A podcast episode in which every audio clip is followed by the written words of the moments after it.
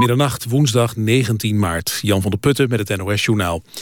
PvdA-leider Samsom heeft in het NOS-verkiezingsdebat PVV-leider Wilders aangevallen op diens uitspraak over een Den Haag met minder PvdA en minder Marokkanen. Samsom wees erop dat de helft van de bevolking in Den Haag allochtoon is. Volgens hem zegt Wilders ga maar weg. Wilders sprak dat tegen. Hij wil alleen de grenzen sluiten voor mensen uit Marokko, criminele Marokkanen uitzetten en remigratie stimuleren. VVD-fractieleider Zijlstra zei dat het niet om de afkomst van de criminelen gaat... maar om de aanpak van daders en de aandacht voor de slachtoffers. De opkomst bij de gemeenteraadsverkiezingen is waarschijnlijk lager dan ooit. In een onderzoek in opdracht van de NOS zegt 43% van de ondervraagden te gaan stemmen. Vier jaar geleden was de opkomst bij de raadsverkiezingen 54% Toen al het laagste percentage ooit. De meeste ondervraagden zeggen dat ze niet gaan stemmen omdat de verkiezingen hen niet interesseren. In Marokko is een vrouw van 96 slachtoffer geworden van een groepsverkrachting. Volgens een Marokkaanse nieuwssite gebeurde het vorige week in een plaats op zo'n 100 kilometer van de hoofdstad Rabat. Een groep jongens van ongeveer 25 drong haar huis binnen en onder bedreiging van messen werd ze verkracht.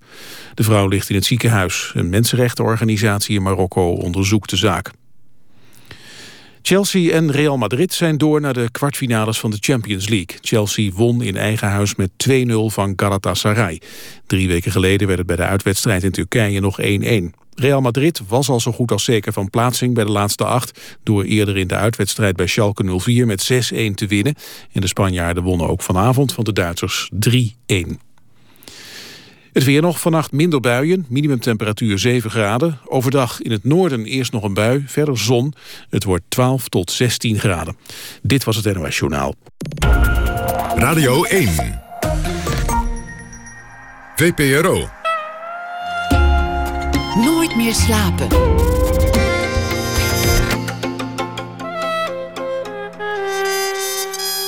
Met Pieter van der Wielen. Goedenacht en welkom bij Nooit meer slapen. Na één uur krijgt u een verhaal dat Joris van Kasteren, schrijver, vandaag schreef. Geïnspireerd op iets dat vandaag is gebeurd. Pas op het podium horen welke rol je eigenlijk speelt. Dat is de gedachte bij Nachtgasten. We praten erover met onder andere acteur Koen Woutersen. En u krijgt voor morgen alvast literair stemadvies van onze verslaggever Anton de Goede. Maar we beginnen met Tim Knol. Het was hem even allemaal te snel gegaan.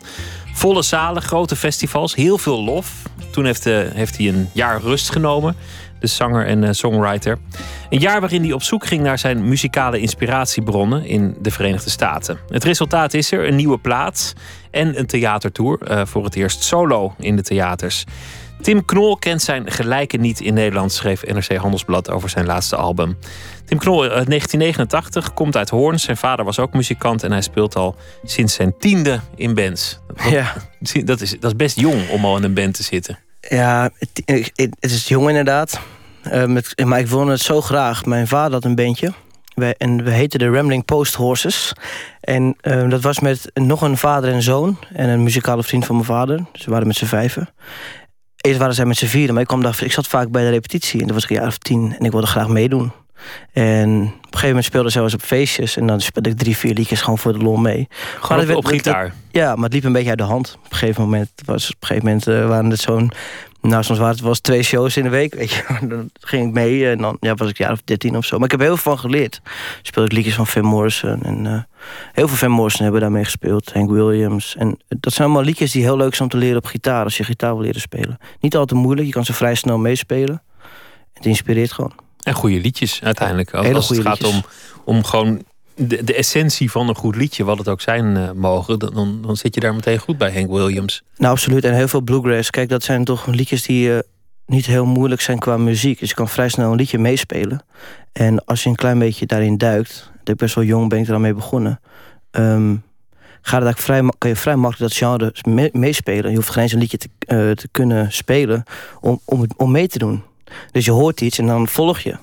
En dat is, dat is ja, dat noem je improviseren, maar dat kan in de bluegrass heel, heel goed. En dat, dat, dat trok mij onbewust heel erg aan. En uh, daar, heb, daar heb ik nu heel veel profijt van, dat ik dat toen destijds zo uh, leuk vond. Er was een tijd dat rock'n'roll bedoeld was om je ouders te chockeren en, en van je af te schudden. Maar bij jou is je muzikale smaak echt van je vader gekomen. Ja, ik denk dat mijn vader een beetje wilde imponeren, zo nu en dan wel. Ja, dat kan ook. Um, nee, ik, ja, dat komt ook, dat komt gewoon door Ik heb ook al geprobeerd naar 50 Cent te luisteren. Of naar uh, Shaggy. Heb dat was mijn eerste singeltje. Om dan toch een beetje een soort eigen smaak te ontwikkelen. Maar ik vond daar gewoon eigenlijk helemaal niks aan. En op school was ik een beetje een gekke jongen. Vonden ze mij een gekke jongen omdat ik... Nou, Bob Dylan bijvoorbeeld te gek vond in de eerste. En, en mijn vriendjes allemaal... Uh, ja, toch hele andere muziek. en veel hip-hop en zo. Ik vind hip-hop heel erg leuk, maar niet die hip-hop die, die ik toen hoorde. Over jou, zoals gezegd door, door mensen die met je gespeeld hebben, het is een, een uh, oude ziel in een, in een jong lichaam. Ja, inmiddels is dat lichaam ook niet meer zo jong. maar, um, ja, ik vind dat heel gek om te horen. Want ik voel me, ik, zeker toen, toen, toen die uitspraak kwam, denk ik al zo'n vier, vijf jaar oud. En um, ik was toen heel jong nog. Ik, ik, was toen zeker nog een puber ook. Ik was 18.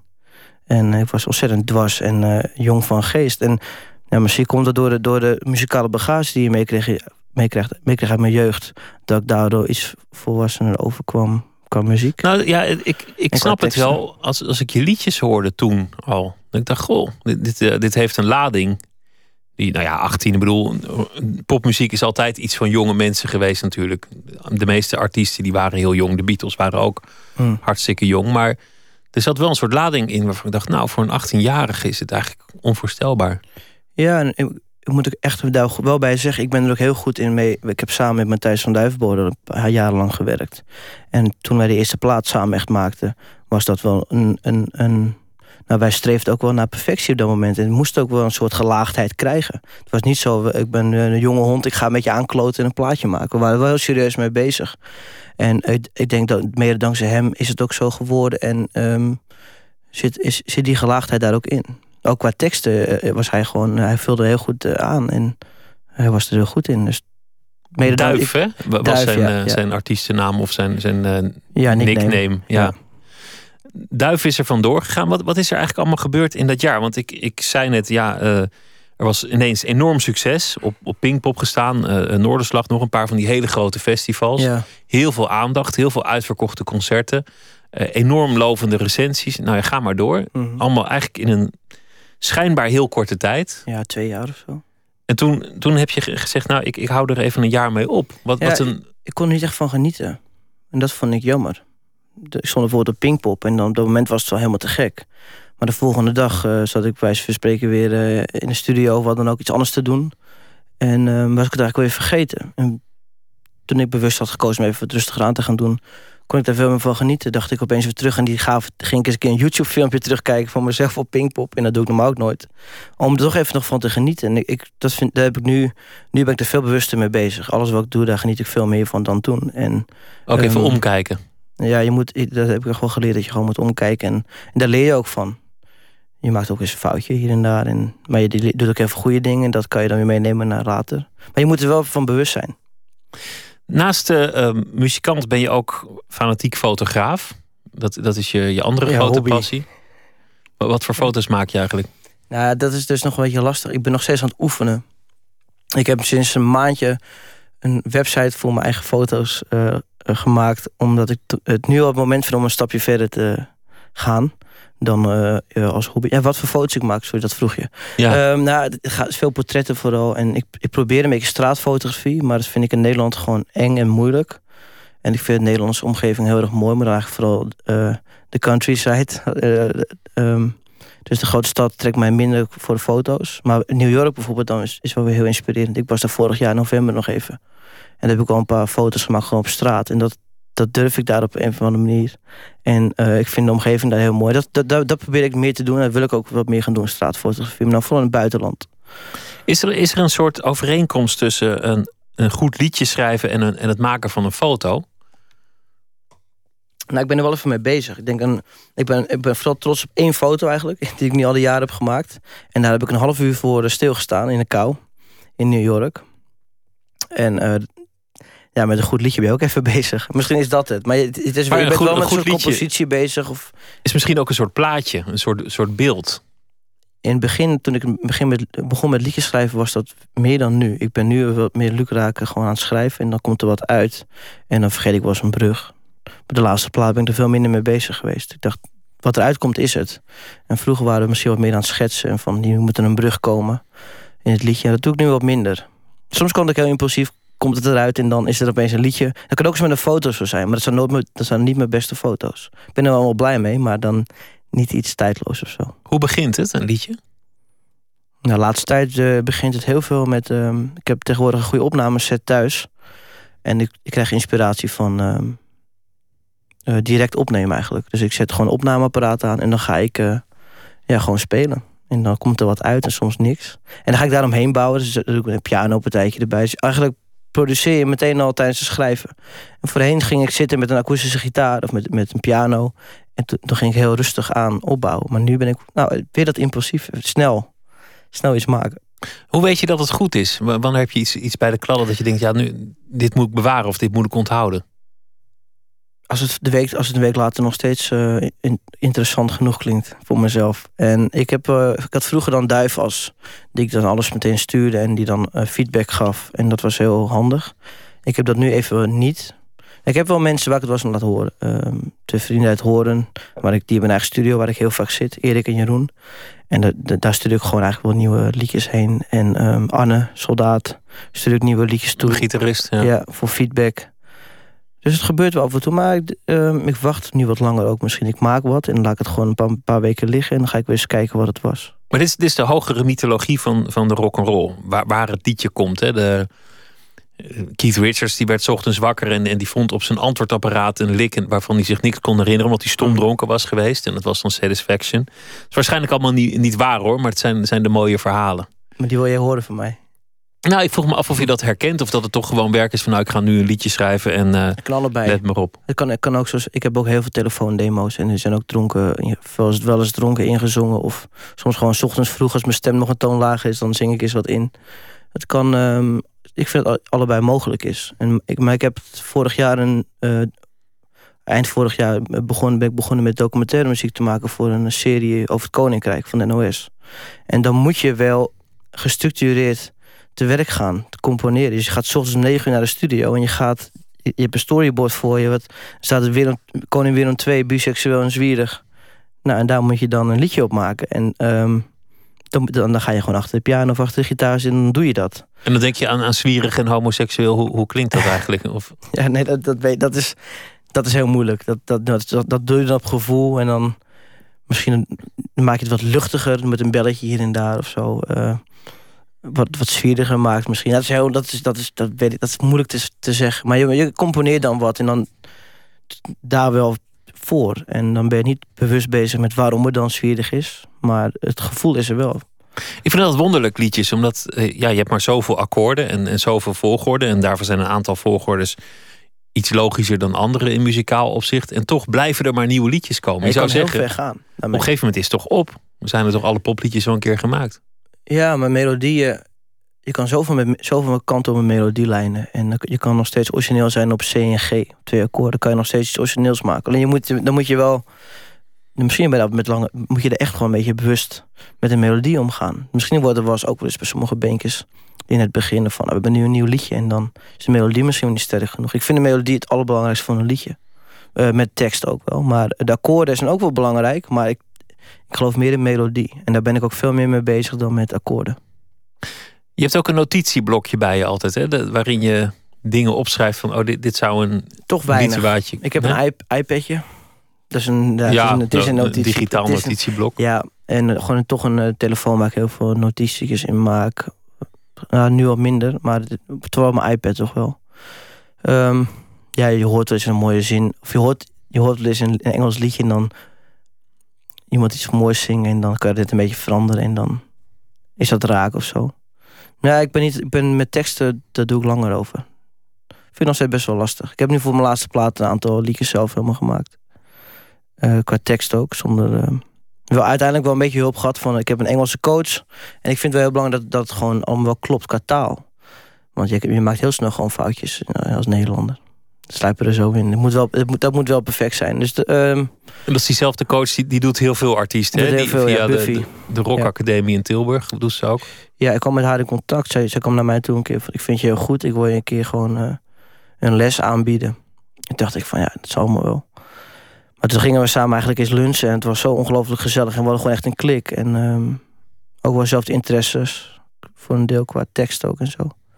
Ik vond, ik vond haar gewoon heel interessant. En uh, ja, als je een klik hebt met iemand, dan, kan, dan durf ik alles te delen. Ik deel ook alles met haar. Ik, uh, als ik actief schrijf, dat was, voor, dat was dan vorig jaar voor mijn plaat, dan stuur ik elke tekst stuur ik meteen naar haar door. En dan komt zij met feedback. En dat is heel, dat is heel lekker. Dat geeft ook inspiratie om weer verder te gaan. Of de Engels een beetje klopt. Ja, maar ook gewoon ook wel qua, misschien de, qua uh, mooiere zinnen. Zij komt ook eens met een betere zin. Zij is, nog heel, zij is daar heel handig in. Um, je bent uh, op tournee. Uh, de, de, tour is al begonnen langs theaters. En dit keer solo, niet met een bandje. dat is opmerkelijk. Je gaat nu ook twee liedjes voor ons spelen. Ja. Ik, ik, zou je willen vragen om, om vast je gitaar erbij te pakken. En het eerste nummer dat je gaat doen is If My Mind. Dat, dat klopt. Ik moet eventjes de gitaar ervoor.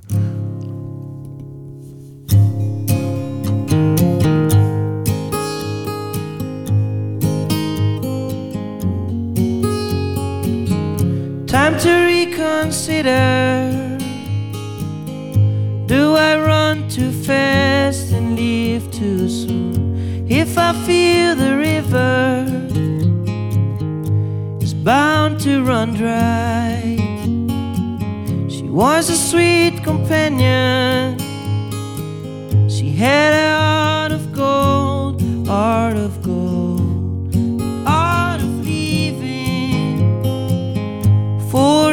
reasons unknown. If my mind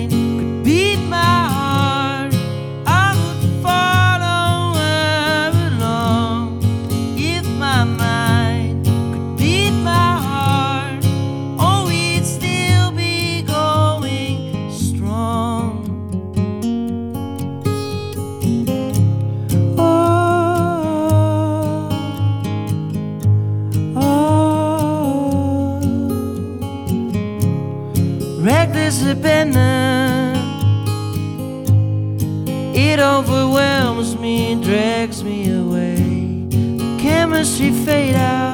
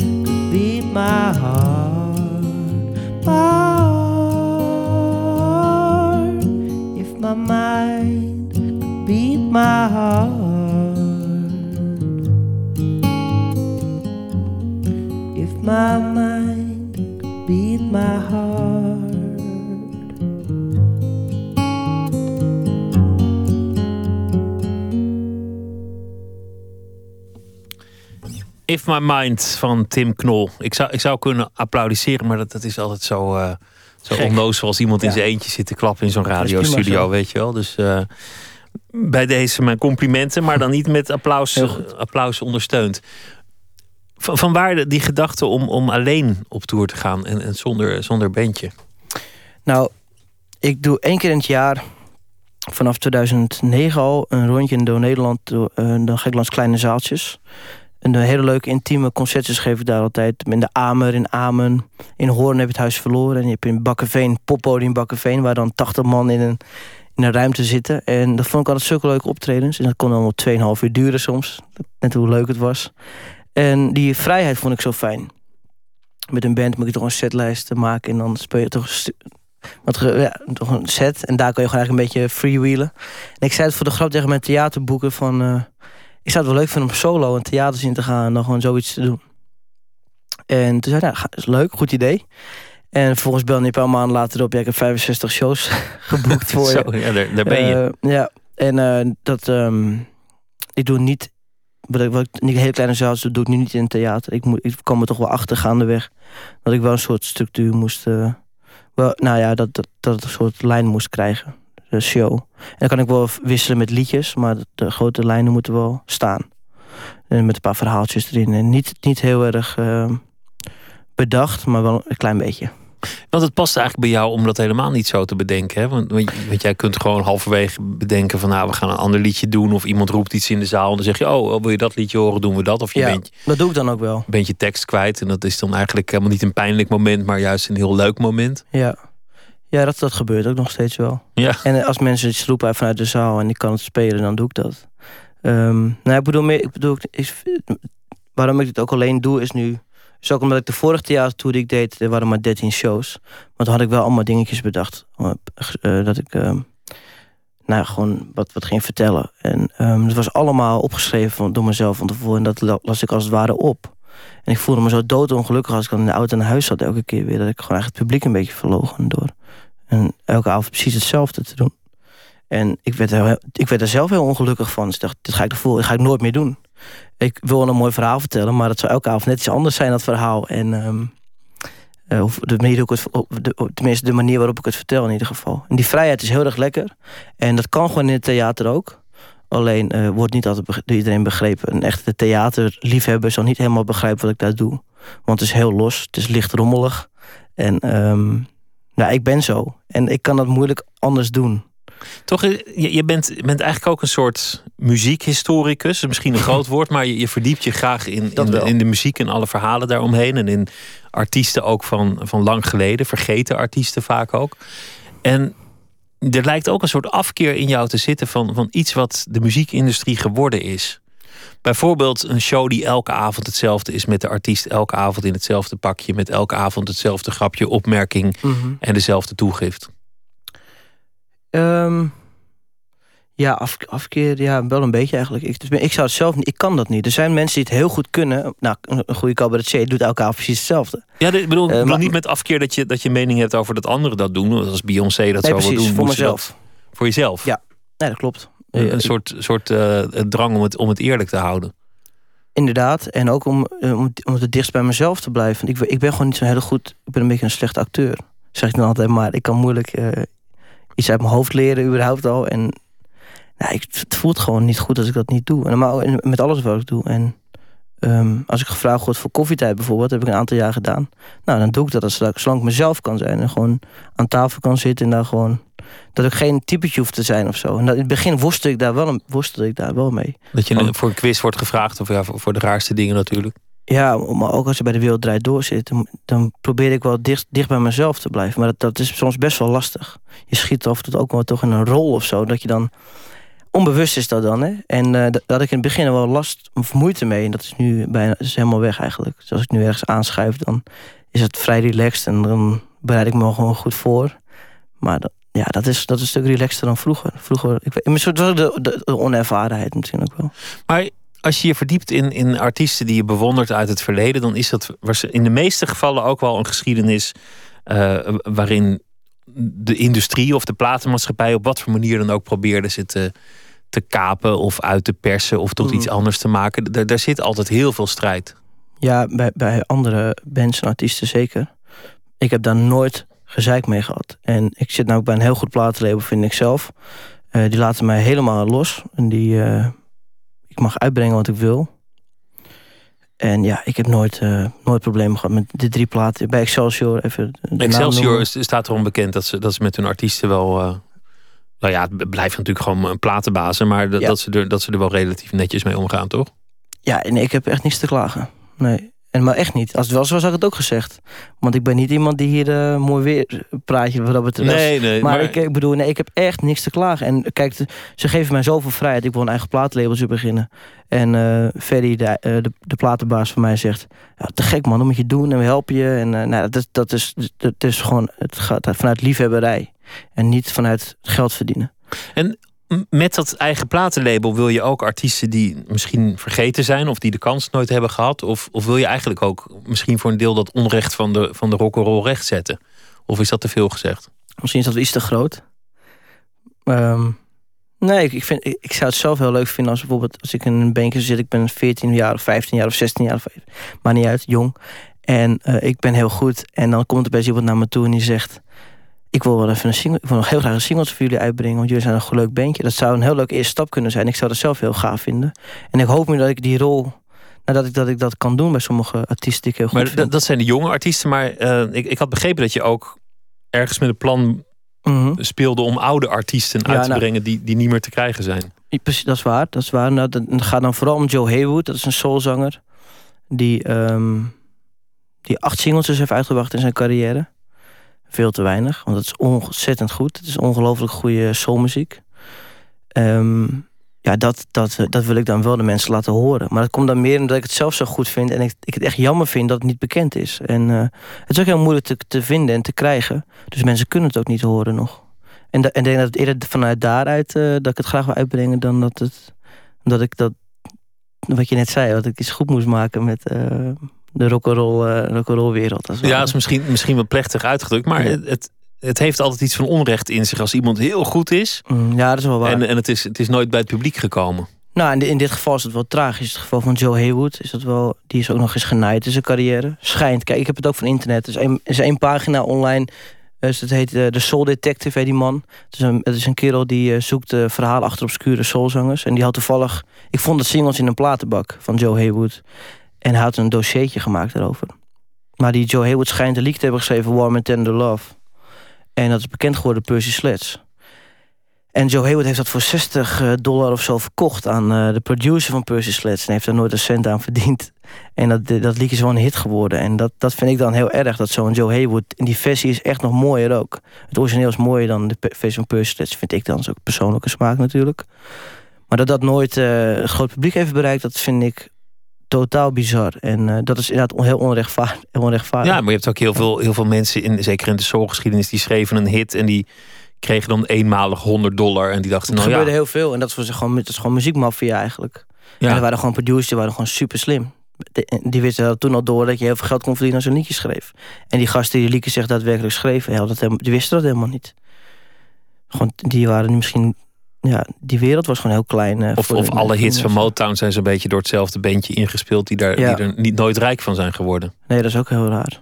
Bij Stax is dat beter gegaan volgens mij. Met Booker T en de MG's, met Steve Cropper die dan schreef... voor Otis Redding. Die heeft wel echt niks de credits gekregen.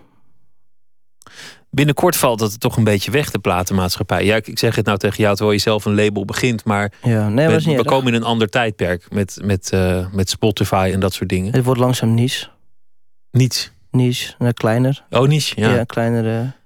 Ja, in, in, zekere zin is het goed, want dan zijn we ook van de maffia verlost. Alleen het, het nadeel is dat dan niemand nog iets verdient. Hm. Ja, het is misschien wel goed dat je gewoon eens een keer muziek gaat maken vanuit... dat je gewoon graag muziek wil maken en geen geld wil verdienen.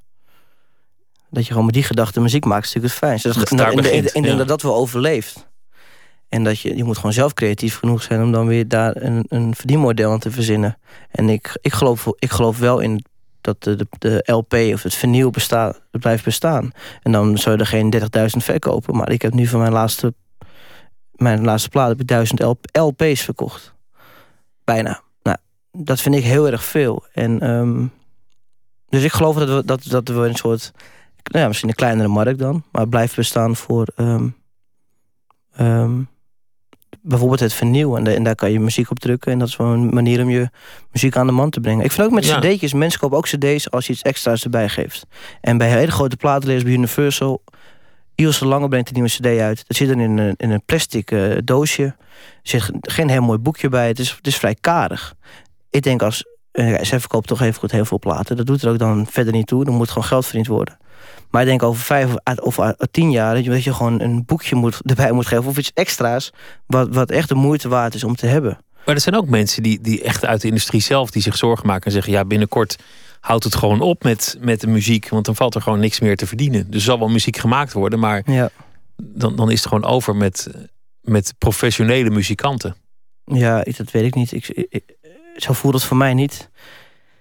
Ehm, Ja, ja, gewoon spelen. Dat is altijd nou ja, dat, dat, dat, vind ik, dat vind ik ook eigenlijk. En ehm, het- ik, ik, weet niet, ik, vind dat, ik vind dat een heel lastig iets om dan van, daar, van op die manier te denken over muziek. Ik, want ik geloof namelijk wel, als je iets moois maakt, dan wordt het wel gehoord. En of het dan de 100 man is of de 30.000 man, ja, dat, ik weet- is dat dan heel belangrijk. We gaan luisteren naar eh, Kevin Kinney. Want eh, daar heb je, dat is eh, de frontman, voormalig frontman van Drive and Crying. Een, een bandje die, die redelijk furoren hebben gemaakt. Inmiddels speelt hij al een aantal jaar solo. Jij hebt met hem samen gespeeld in de Verenigde Staten. Tijdens wat hier in de pers stond als jouw sabbatical. Maar intussen was je gewoon aan het werk. Maar Ja. elders. Ja, ik moest wel die kant op. En dat, dat heeft meerdere redenen. Het A, omdat ik... Hij nodigde me uit om daar te, te komen spelen. Ehm, nou, ik Kevin heeft een liedje van mij opgenomen een aantal jaar geleden... op een Drive and Crying cd. Mijn eerste liedje eh van mijn eerste plaat Clean Up heeft hij eh, opgenomen. En dat, dat, daar was ik heel trots op. Ik ben jarenlang groot fan. En naar aanleiding daarvan ehm, nou, hielden wij goed contact ook wel. En toen zei hij van, nou, kom naar Amerika en dan gaan we een leuk toertje doen. Gewoon intiem met z'n tweeën, gezellig. En nog een paar muzikale vrienden kwamen along the way kwamen die erbij. En ehm, ja, het was eigenlijk heel, het was gewoon voor mezelf heel erg leuk. En eh, ik dacht, Het is grappig. Hij is, hij is een. ehm, misschien niet bij het hele grote publiek heel bekend. Maar, maar vooral onder, onder muzikanten zelf mm, heel gevierd. Ik heb hem zelf wel eens ontmoet in, in Nashville toevallig. ja. Niet, niet de meest spraakzame jongen, kan ik zeggen. Hij was aardig, maar Het is grappig, want inderdaad, heel vriendelijk. je moet, je, moet, eh, even, je moet een soort eerste fase door bij hem. Ja, het, is vrij, het is een vrij afstandelijke man als je hem ontmoet. Hij is wel aardig, maar heel kort, heel, hij is kort af. En eigenlijk heeft hij nooit echt zin om te praten in eerste instantie. Maar als je daar doorheen bent, dan is het, is het de allerleukste kerel eh, Ja, het was heel gek, want van de hij, wereld. hij zei notabene, ga je, ga je mee wat drinken? Ja, maar hij is ontzettend lief. En, Dus en, de- eh, dus, dus wij Ja. zeiden, nou ja, gezellig, dan gaan we mee wat drinken. En, En toen vervolgens zei hij, nou, hier heb je wat te drinken. Ja. We luisteren naar zijn muziek en het, het nummer heet McDougall Blues.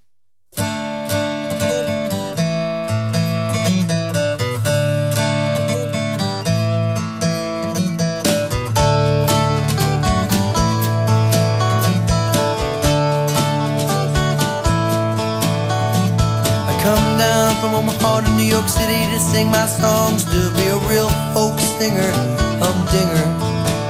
I tried to change the world with songs of love and hate and desperation. Can't wait to get myself known there and find my home. Find myself a home to roam. Find myself a street to find. Find myself a friend to love place to sing my song.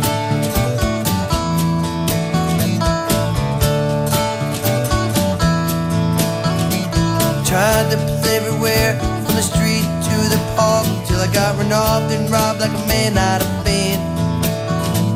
And out of towners singing songs in Washington Square, the dark and park, when the policeman come and he said, "Son, you gotta move along."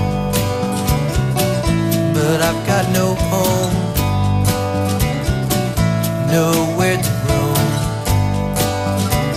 I don't even have a place to sing my song. On McDougal, McDougal.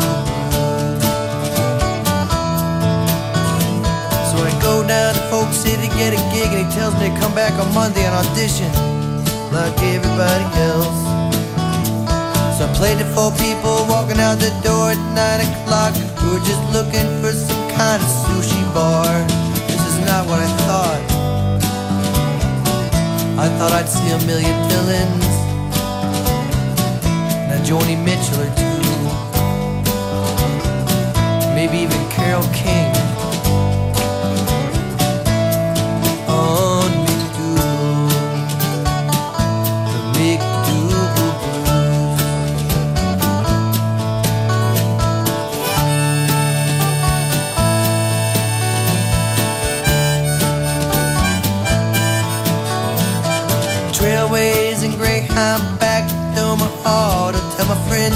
Exactly what I did. I said that I sang for the best of them changed their minds again for a song. I told them that I met Bob Dylan. Yeah, I was hanging around Joni Mitchell. Yeah, Carol King, we did lunch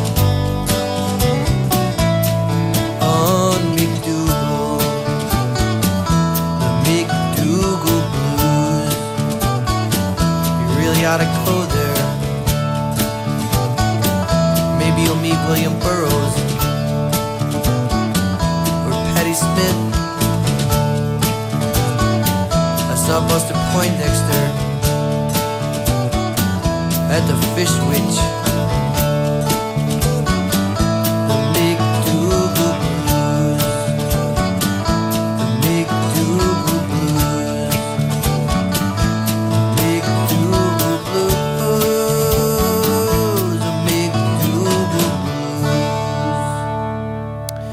Kevin Kinney was dat. Ja, hij zei nog dat hij een beat poet eh, zou gaan worden, McDougall Blues. Hoe is, dat, hoe is dat gekomen dat je dan ineens... Want, want er zijn een aantal dingen tegelijk gebeurd. We hadden het er net al over. Je, je, je was vergeten om te kijken. Je dacht, ik, ik moet, moet wat tijd vrij. Ik ga niet meteen een nieuwe plaat opnemen... of niet meteen een nieuwe tour. Ik, ik ga reizen. Ja. Dan, dan heb je die gedachte. En wat, wat is dan het volgende dat er gebeurt? Nou, eigenlijk, er was gewoon geen plan. En Dat, is wel echt, dat, was echt, dat was heel lekker. Er stonden twee dingen. Eh, Jamaica zou ik gaan doen. Dan zou ik met eh, Chris Segers heen gaan voor een programma.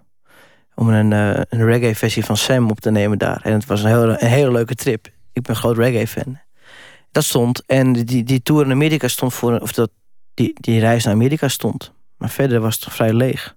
En dankzij die Amerika-trip ben ik wel weer, heb ik wel heel veel inspiratie gekregen... om weer aan de slag te gaan. En ik kwam terug. En eigenlijk al meteen daarna, vrijwel daarna begon ik weer te schrijven voor een nieuwe plaat. Maar dan, hoe kwam je bij Kevin Kinney terecht? Want het was Mhm. iemand die jij heel erg bewonderde. Kijk, in Nederland zijn die gasten zo bereikbaar. Die komen dan gewoon in naar, eh, naar van Huis Verloren in Horen bijvoorbeeld spelen ze dan. Of in een kleine zaal Melkweg, 2005 heb ik hem gezien met band. Na afloop kan je gewoon met die gasten praten. En ik ben dan wel zo brutaal om dan eh, op hem af te stappen en een beetje te kletsen. En ik was, nou, de meeste plaat was net klaar en toen was hij ook weer in het land. Toen gaf ik hem mijn eh, cd. Nou, het gaat ook veel verder terug. Laat ik even nog één ding, dat is Ja, nog veel leuke anekdote. Is nog, ik was toen echt jong, was 15 jaar. Ik had een bandje, dat heet Be Right Back. We heette Be Right Back. En wij speelden altijd twee liedjes van eh, Kevin. Hij was toen in Horen ook. En wij speelden de dag daarna, nadat hij naar zijn optreden. En toen kwam je dus kijken. We speelden in de, in de wijk Kessenbogen, in, in, dat is een wijk in Horen. Nou, niet echt heel gezellig. Eh, aan het, aan een, nou, het was een beetje een gek, gek pleintje. Het was niet echt leuk. Hij kwam kijken en wij speelden dan zijn liedje toevallig ook. En nou, dat was voor hem zoiets bizars om van die 15-jarige zijn liedje eh, te horen spelen. En toen was hij eigenlijk wel een beetje verkocht, denk ik. En sindsdien hebben we ook gewoon contact gehouden. En ik was toen dus 18, kwam eerste plaat, gaf ik hem mijn plaat. En hij zei eh, dat hij het een mooie plaat vond. En toen was hij oprecht geïnteresseerd in mij en mijn muziek. En ook in de platen daarna. Ik, ik kwam ook bij hem thuis en het was echt heel surrealistisch. Want mijn plaatje en mijn cd'tje stonden op zijn slaapkamer. Op een... eh stonden gewoon mijn twee... Toen ik nog twee platen. Twee platen stonden alle twee op een rijtje. Ik dacht van, hè? Hij, ja, ik weet niet, dat vond ik heel gek. Maar hij, hij vindt het hele mooie muziek. En eh, Het zijn jullie samen gaan spelen. Je hebt, je hebt toen ook gespeeld met eh, degene die dit produceerde, Pieter Bak van R.E.M. En, en dat, dat is echt wel een muzieklegende. Ja, dat, dat was zo ongelooflijk raar. Ik, ben, ik ben, was toen ook al R.E.M.-fan. En Kevin, die... We zaten in Seattle op dat moment. Op een gegeven moment zegt Kevin... Nou, vanavond heb ik nog iets leuks. Er komt iemand meedoen nog. Het was een beetje... Die trip vorderde zo langs die steden... en eh, er kwam telkens iemand bij eigenlijk gaandeweg. Maar op een gegeven moment... ehm, er was een bassist nog bij. Zegt hij, ja, vanavond doet Pieter Buck mee van R.E.M. Ik zeg, nou, doe normaal, joh. Ja, ja, ja. Nou, ik zat er inderdaad in de kleedkamer en nou, ik kwam binnenstappen. En het was heel raar. Een beetje afstandelijke man in eerste instantie. Ik dacht van, nou, die, eh, dat wordt helemaal niks vanavond. Beetje een, beetje nukkig was hij. Maar ik snap ook wel, ja, het, is een wereldster. Hij zal, hij zal altijd een beetje gereserveerd zijn. En eh, de eerste avond was het eigenlijk een heel leuk optreden. En de tweede avond speelden we in Portland. En uh, daar was hij heel los en heel gezellig. En nou, na afloop uh, van die avond zijn we teruggegaan naar Seattle. En hebben we een avondjes hebben we gaan stappen. En bij hem thuis geweest ook bij Pieter Buck. En hij, heeft, hij is een enorme single-verzamelaar, net zoals ik. En dat was... Wat gebeurde gewoon? Zoiets doe je. En je staat niet echt bij stil. Eerst denk je, ik heb de kriebels in je dat je bij die man überhaupt in zijn omgeving mag zijn. Maar je went er heel snel aan en dan doe je het. En dan is het heel erg leuk. En dan kom je in Nederland en dan denk je... wat de fuck heb ik allemaal meegemaakt? Wat is dit voor iets raars? Gewoon Pieter Buck van R.E.M. En, eh, dan, en dan besef je pas eh, hoe uniek en bijzonder het eigenlijk was. En dat, dat, ik, dat je dat als, als, als jochie uit Holland mag meemaken... dat was wel echt gek. Een andere grote held van jou is Steve Earle. Eh, ooit kwam die uit Texas en later Nashville en, en New York. Een, Ja. een bekende liedjeschrijver, een beetje in de Americana-hoek. Die heb je ook eh, mogen ontmoeten inmiddels. Ja, heel kort. Dat was niet zo leuk. Nee, Nee, dat- leek niet zo aardig. Nou, hij was misschien wel... Hij was gewoon niet in een goed humeur. En eh, hij, heeft, nee, hij, heeft, hij heeft denk ik echt last van mood swings. En ik trof hem net in een... eh, ja, verkeerd humeur, denk ik. En ik heb even gezegd dat ik zijn muziek mooi vond. Want er was niet veel meer te praten. En ik zei bedankt voor de mooie muziek. En toen ben ik, heb ik me omgedraaid. Nee, ik heb een andere muzikale held ontmoet. was ook eh, met Steve Earle. Toen speelde hij namelijk in de City Winery in New York. En daar speelde ook Ellen Toussaint die avond. En de City Winery is heel klein. Er kunnen 200 man in. En dan ga je ook luxe dineren. En het was mega duur. Maar ik dacht, dat moet ik zien. Want Ellen Toussaint, dat is, dat is de man achter... eh Ja, New van- Orleans, al, al die, heel veel van die hitjes schreef ja, joh, in de Lee jaren Dorsey, 50. eh, Working in the Coma, ja, ja, dat, van, is allemaal Ellen Toussaint. En even voor de mensen thuis, mocht je dat nog live willen zien, hij komt naar Paradiso in april. En dat, dat raad ik zeer aan, want die man is ongekend goed. En die, die, stond, die zat daar te spelen. En de afloop, Steve Earle, die, die zie je dan niet na afloop. Maar Ellen Toussaint stond lekker aan, lekker aan de bar een wijntje te drinken. En dan even praten met de, met de beste man. Ik doe dat dan toch wel. Ik heb zelfs een fotootje gemaakt. Ik ben al een beetje een groepie. Maar het mooiste van die avond was dat Sam Moore van Sam en Dave er ook was. Dat die zat een tafeltje voor mij. En het eind van de avond... Soul-legendes weer. Ja, Ja. echt soul Maar dat is, dan word je omringd door soul-legendes. En dan word ik helemaal een beetje... Nou, dan word ik echt enthousiast. En het einde van de avond liepen ze samen eh, naar een hotel. En liepen ze over een zebrapad. En ik stond daar zo te kijken. En ik had mijn fotocamera in mijn hand. Maar ik dacht, ik ga hier geen foto van maken. Dit wil ik helemaal meemaken. Hoe ze zo het hoekje omlopen met z'n tweeën. Dat zijn, dat zijn gewoon de grondleggers van de soulmuziek. En eh heel veel rhythm and blues, ook voor een deel wel. Ja, dat, En- dat, daar kwam het allemaal uit voort uiteindelijk, ja, toch? Ja, en dat, dat, dat was zoiets unieks. En dat maak je dan in Amerika wel mee. En hier wat minder snel in Nederland. Ik had het er laatst over met, met Peter Buwalda, die, die schrijver is. Mm. En, en die, die is ook fan van heel veel mensen. Die heeft, heeft een soort fan-gen. Dat, dat, je, dat om echt goed te worden in iets moet je eigenlijk ook heel goed kunnen bewonderen. Ja, dat lijkt me ook, ja, eigenlijk. Bewonderen en observeren en eh, eh, je laten inspireren. Daar moet je wel open voor staan. Hoe ver gaat dat? Want jij, jij gaat na afloop eh, van een optreden... ga je dan naar zo'n Ellen Toussaint toe of, naar- of, naar, of naar Steve Earle. Je, bent je bent ook echt een verzamelaar, geloof ik, hè? Van, van eh, muziek Ja. en, en alles wat erbij hoort. Absoluut, ja. Nou, hoe, hoe dat gaat de afloop, ik doe dat bijna nooit eigenlijk hoor, na een concert. Behalve als het echt... Ik heb Steve Earle zoveel geluisterd en vroeger. En eh vanaf dat ik heel jong was. En ik voor een deel ook gewoon leren muziek spelen dankzij die gasten. Door gewoon mee te spelen met die liedjes. En eh, ja, dat, dan, dan, word je, dan, dan word je hem toch een hand geschud even. Gewoon, dat is dan... Maar dat doe ik niet vaak. Ik heb dat bijna nooit eigenlijk. Maar in dit geval wel. En Ellen Toussaint, ja, wanneer kan je zo'n mannen ontmoeten?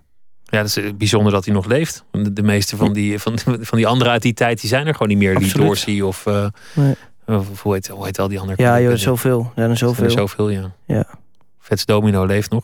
Ja. Ehm, dan is er nog een andere eh, die ook belangrijk voor je is. Dat is Towns Van Sant. De, Ja.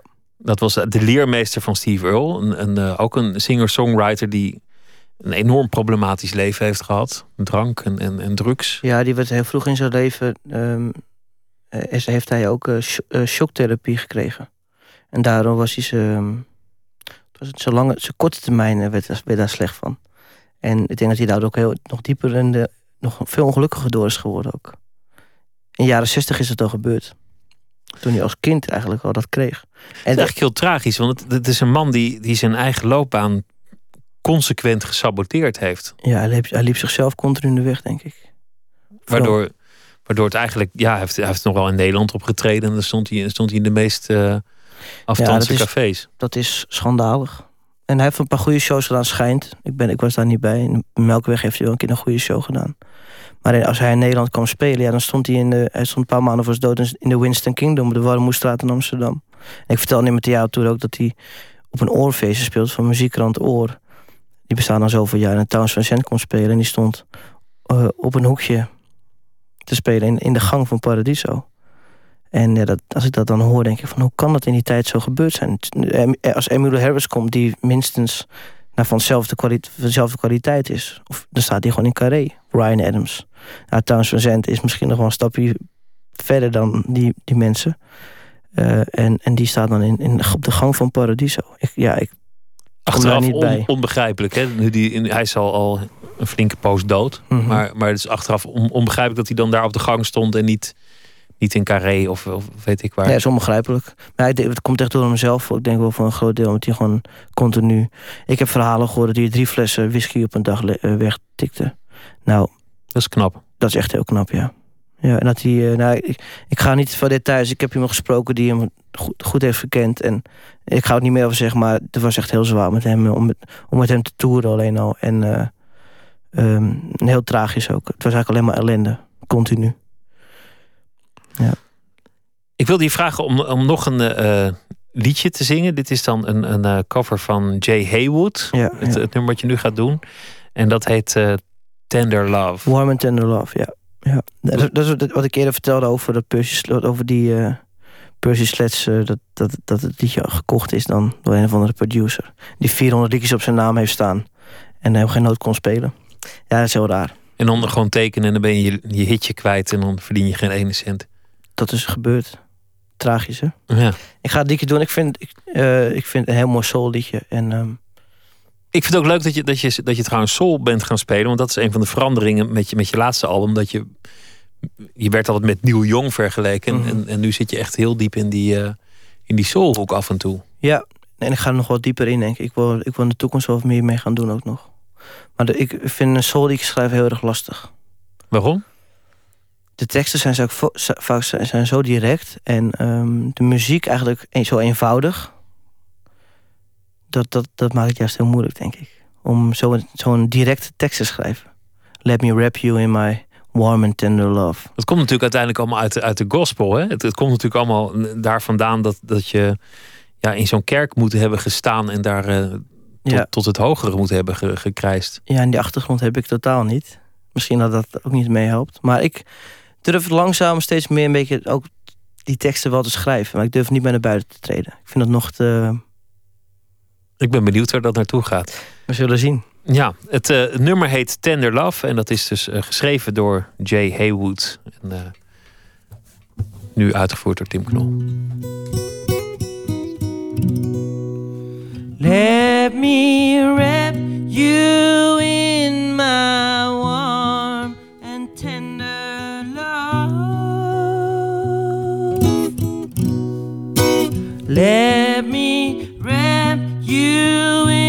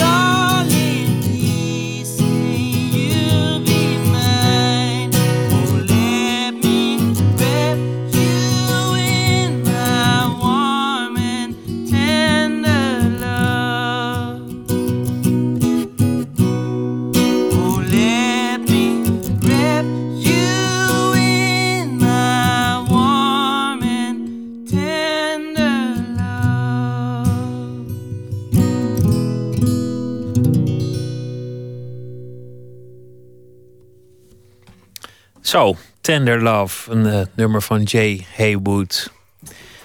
Is toch, is toch ook iets met muzikanten dat ze, dat ze. Je had het net over Steve Earle en, en Ja. dan dit liedje. Ze moeten niet te gelukkig worden, denk ik wel eens. Als ik, Ehm, als ik de laatste plaat van Steve Earle hoor, die dan helemaal verliefd is en zo, denk ik ja. ja, ik vind, leuk dat bij voor Steve, jou, ik vind dat maar- bij Steve ook jammer. Kan Maar- soms ook nog goed werken. Voor sommige ik hoop het. Ja, Ja, nee, dat denk ik wel eigenlijk. Liefde. Nou, ik denk bij Steve ik vind gewoon Steve als hij, als hij zware liedjes zingt, gewoon het allermooist. En dat hangt ook beetje per artiest af. Ik bedoel, je hebt ook van die dream pop met leuke, grappige teksten. Die ik ook wel kan waarderen.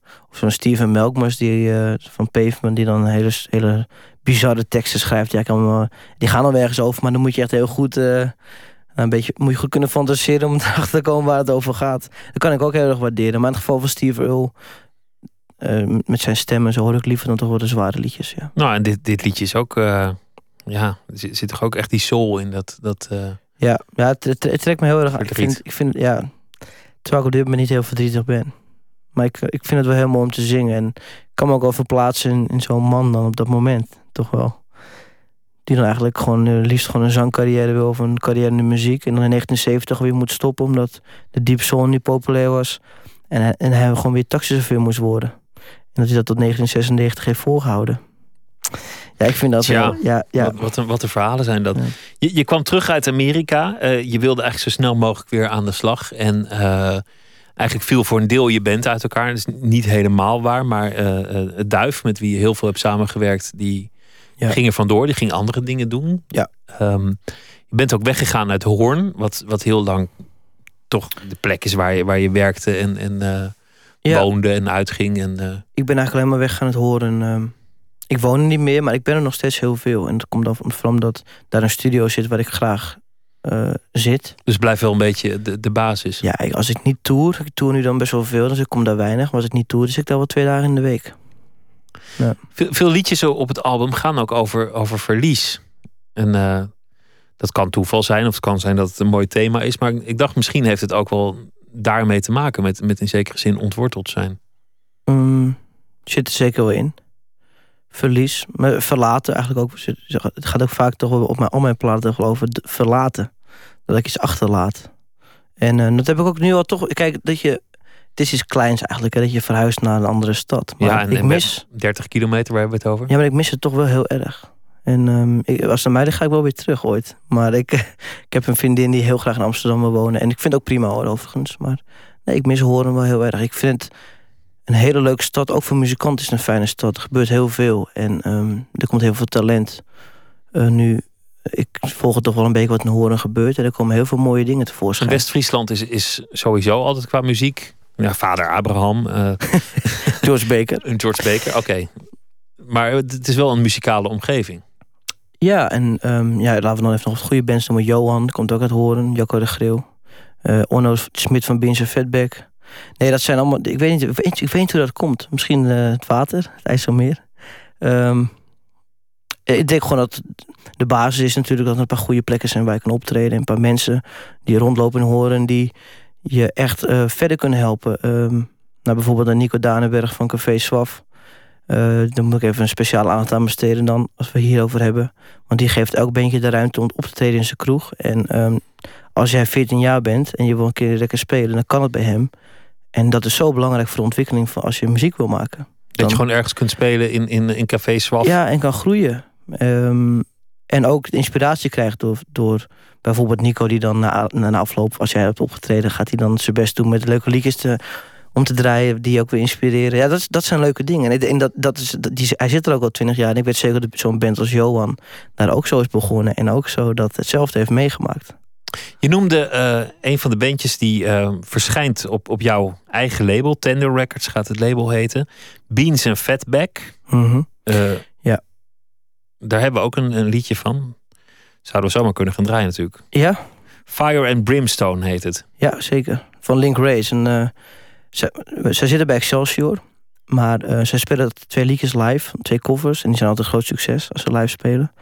En mm, Orno kwam eens met het idee van... ik zou dat op jouw labeltje uit gaan brengen. En ik dacht, ja, tuurlijk. Het past helemaal op een, op een vinyl single dit. Het wel horen nu. Dit, dit, dit hoort echt thuis op het zwarte goud.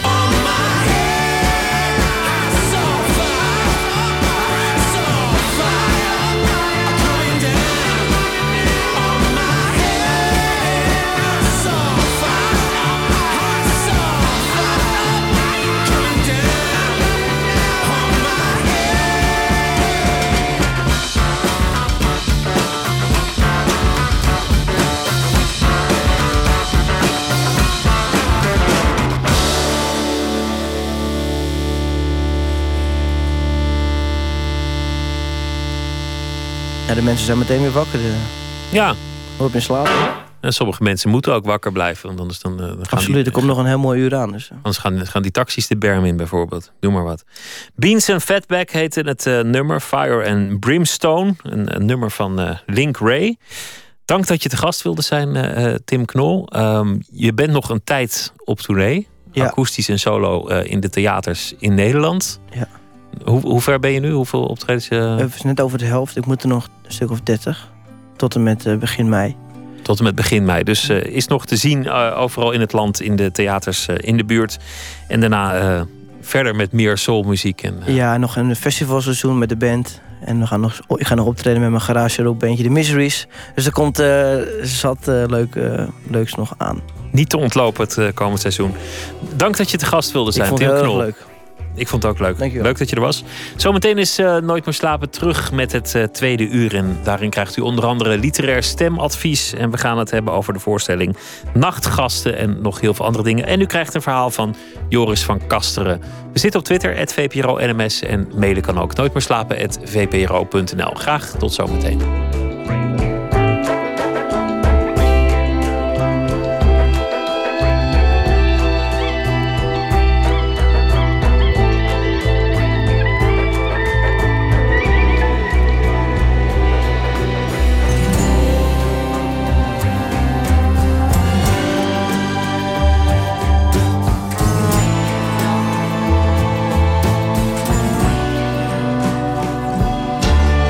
Radio 1.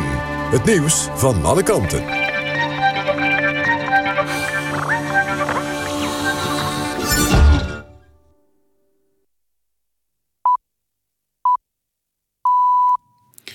1 uur, Jan van der Putten met het NOS-journaal. Kiezers kunnen op verschillende plaatsen nu al stemmen voor de gemeenteraadsverkiezingen. Om middernacht gingen de eerste stembureaus open. In Tilburg staat een mobiel stembureau in het uitgaansgebied.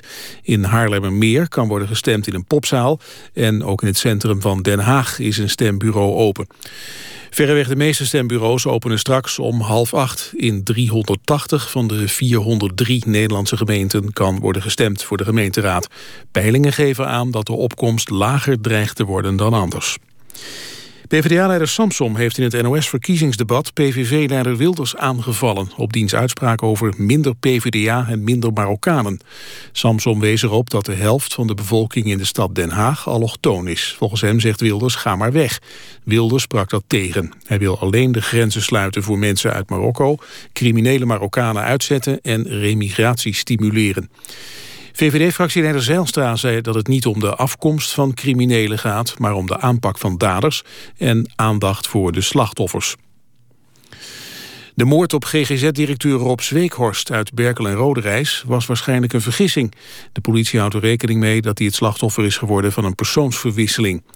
Zweekhorst werd op nieuwjaarsdag op straat doodgeschoten toen hij zijn hond uitliet. In opsporing verzocht zei de politie dat de dader het mogelijk had gemunt op iemand die te maken heeft met vermogenscriminaliteit. De politie wil niet zeggen wie dat is. In de Verenigde Staten is een geheime kinderporno-site met ruim 27.000 leden ontmanteld. Op de site stonden videobeelden van 251 kinderen tussen de 3 en 17 jaar.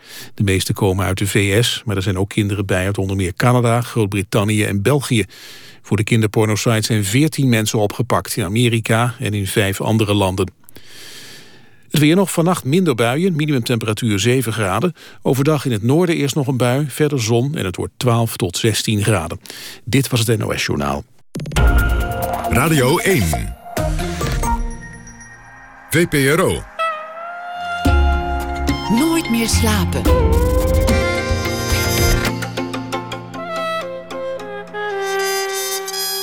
Met Pieter van der Wielen.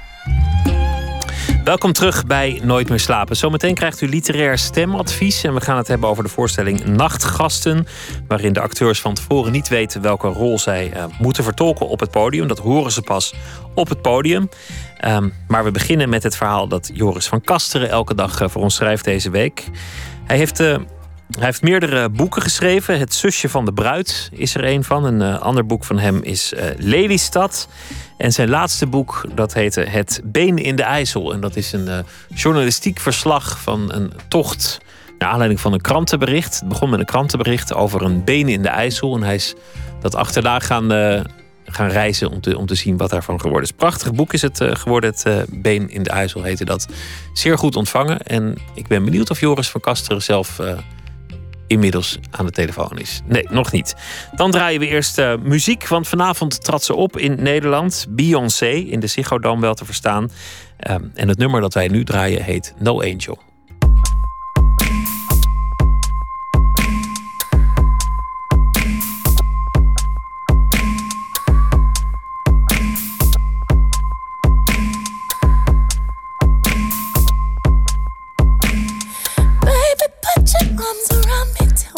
Problem.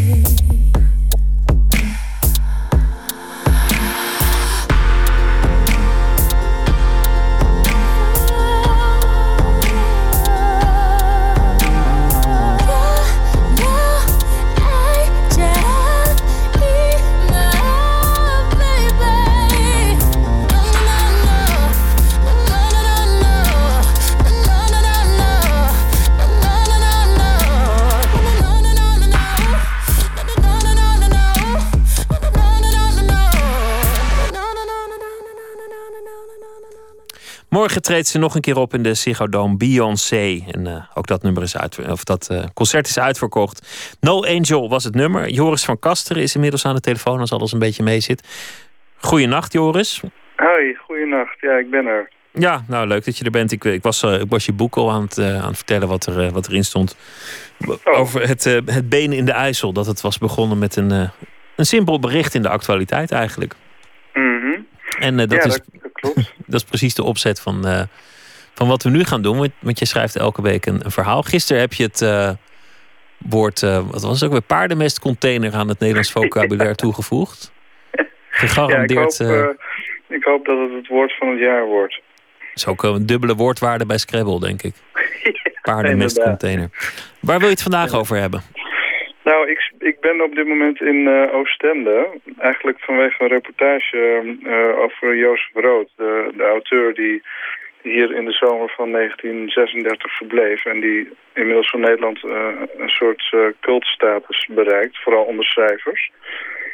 En ja, ik wilde eigenlijk een beetje in zijn voet, voetsporen hier op pad gaan... omdat hij hier een, een, zomer toen heeft doorgebracht.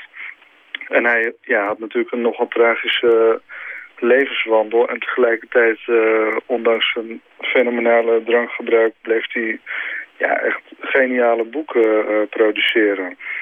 Dus uh, een fascinerende figuur. Dus ik ben op pad geweest met uh, ja, Els Snik. En zij is eigenlijk dus een, een Vlaamse roodspecialiste. En dat was tamelijk hilarisch hoe, de, hoe dat verliep vandaag. Dus daar heb ik nu een, een stukje zeg maar, aan, aan, gewijd. En, een reisverslag ja. Oostende um, met mevrouw Snik in de voetsporen van Jozef Rood.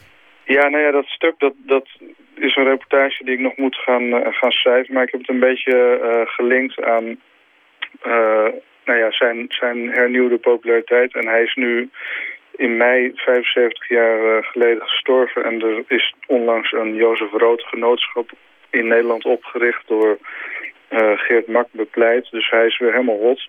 Ja, en Tommy Wieringa is een groot fan van hem, om maar nou iemand ja, te noemen. Daar, en daar gaat het nu om. Want ik ken Tommy goed van de school voor journalistiek in Utrecht. En uh, nou, daar gaat het stukje eigenlijk ook een beetje over. Ga je gang. Ik ga beginnen.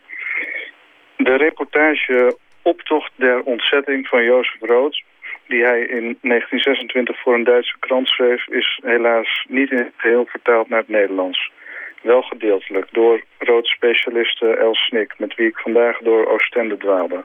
Op zoek naar het hotel waar Rood in de zomer van 1936 verbleef.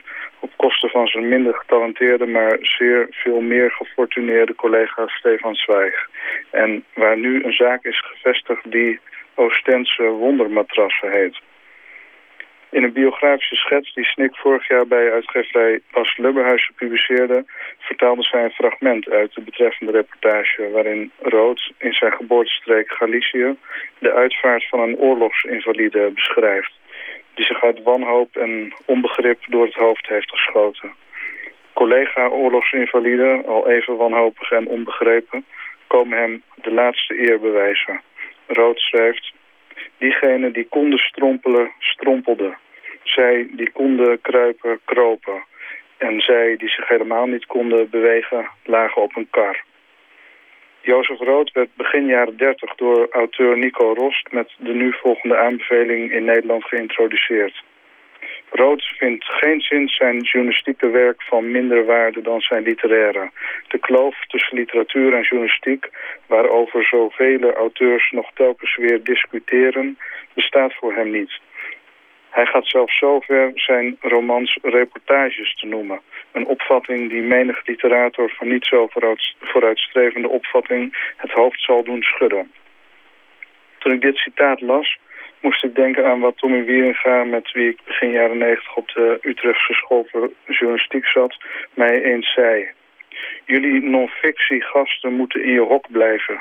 Jullie zitten hier, wij zitten daar. Dat was toen ik hem enkele jaren terug opzocht in zijn woning in de buurt van Broek en Waterland... en hem nota bene een boek van Jozef Rood cadeau had gedaan. Uiteraard was ik het niet met Tommy Wieringa eens eind mei, als de 75e sterfdag van Rood, die onder gruwelijke omstandigheden stierf in Parijs, wordt herdacht, zal Wieringa, zo vertelde Els Snik mij vanmiddag aanwezig zijn om de auteur met wie hij het ten principale oneens is, postuum, postuum te eren met een gastbijdrage. Ik zal proberen daar ook aanwezig te zijn en Wieringa beleefd om opheldering verzoeken. Dat was hem. Ja, grappig. De Tommy Wieringa zou het nu inmiddels ook niet meer met zichzelf eens zijn van, uh, van toen.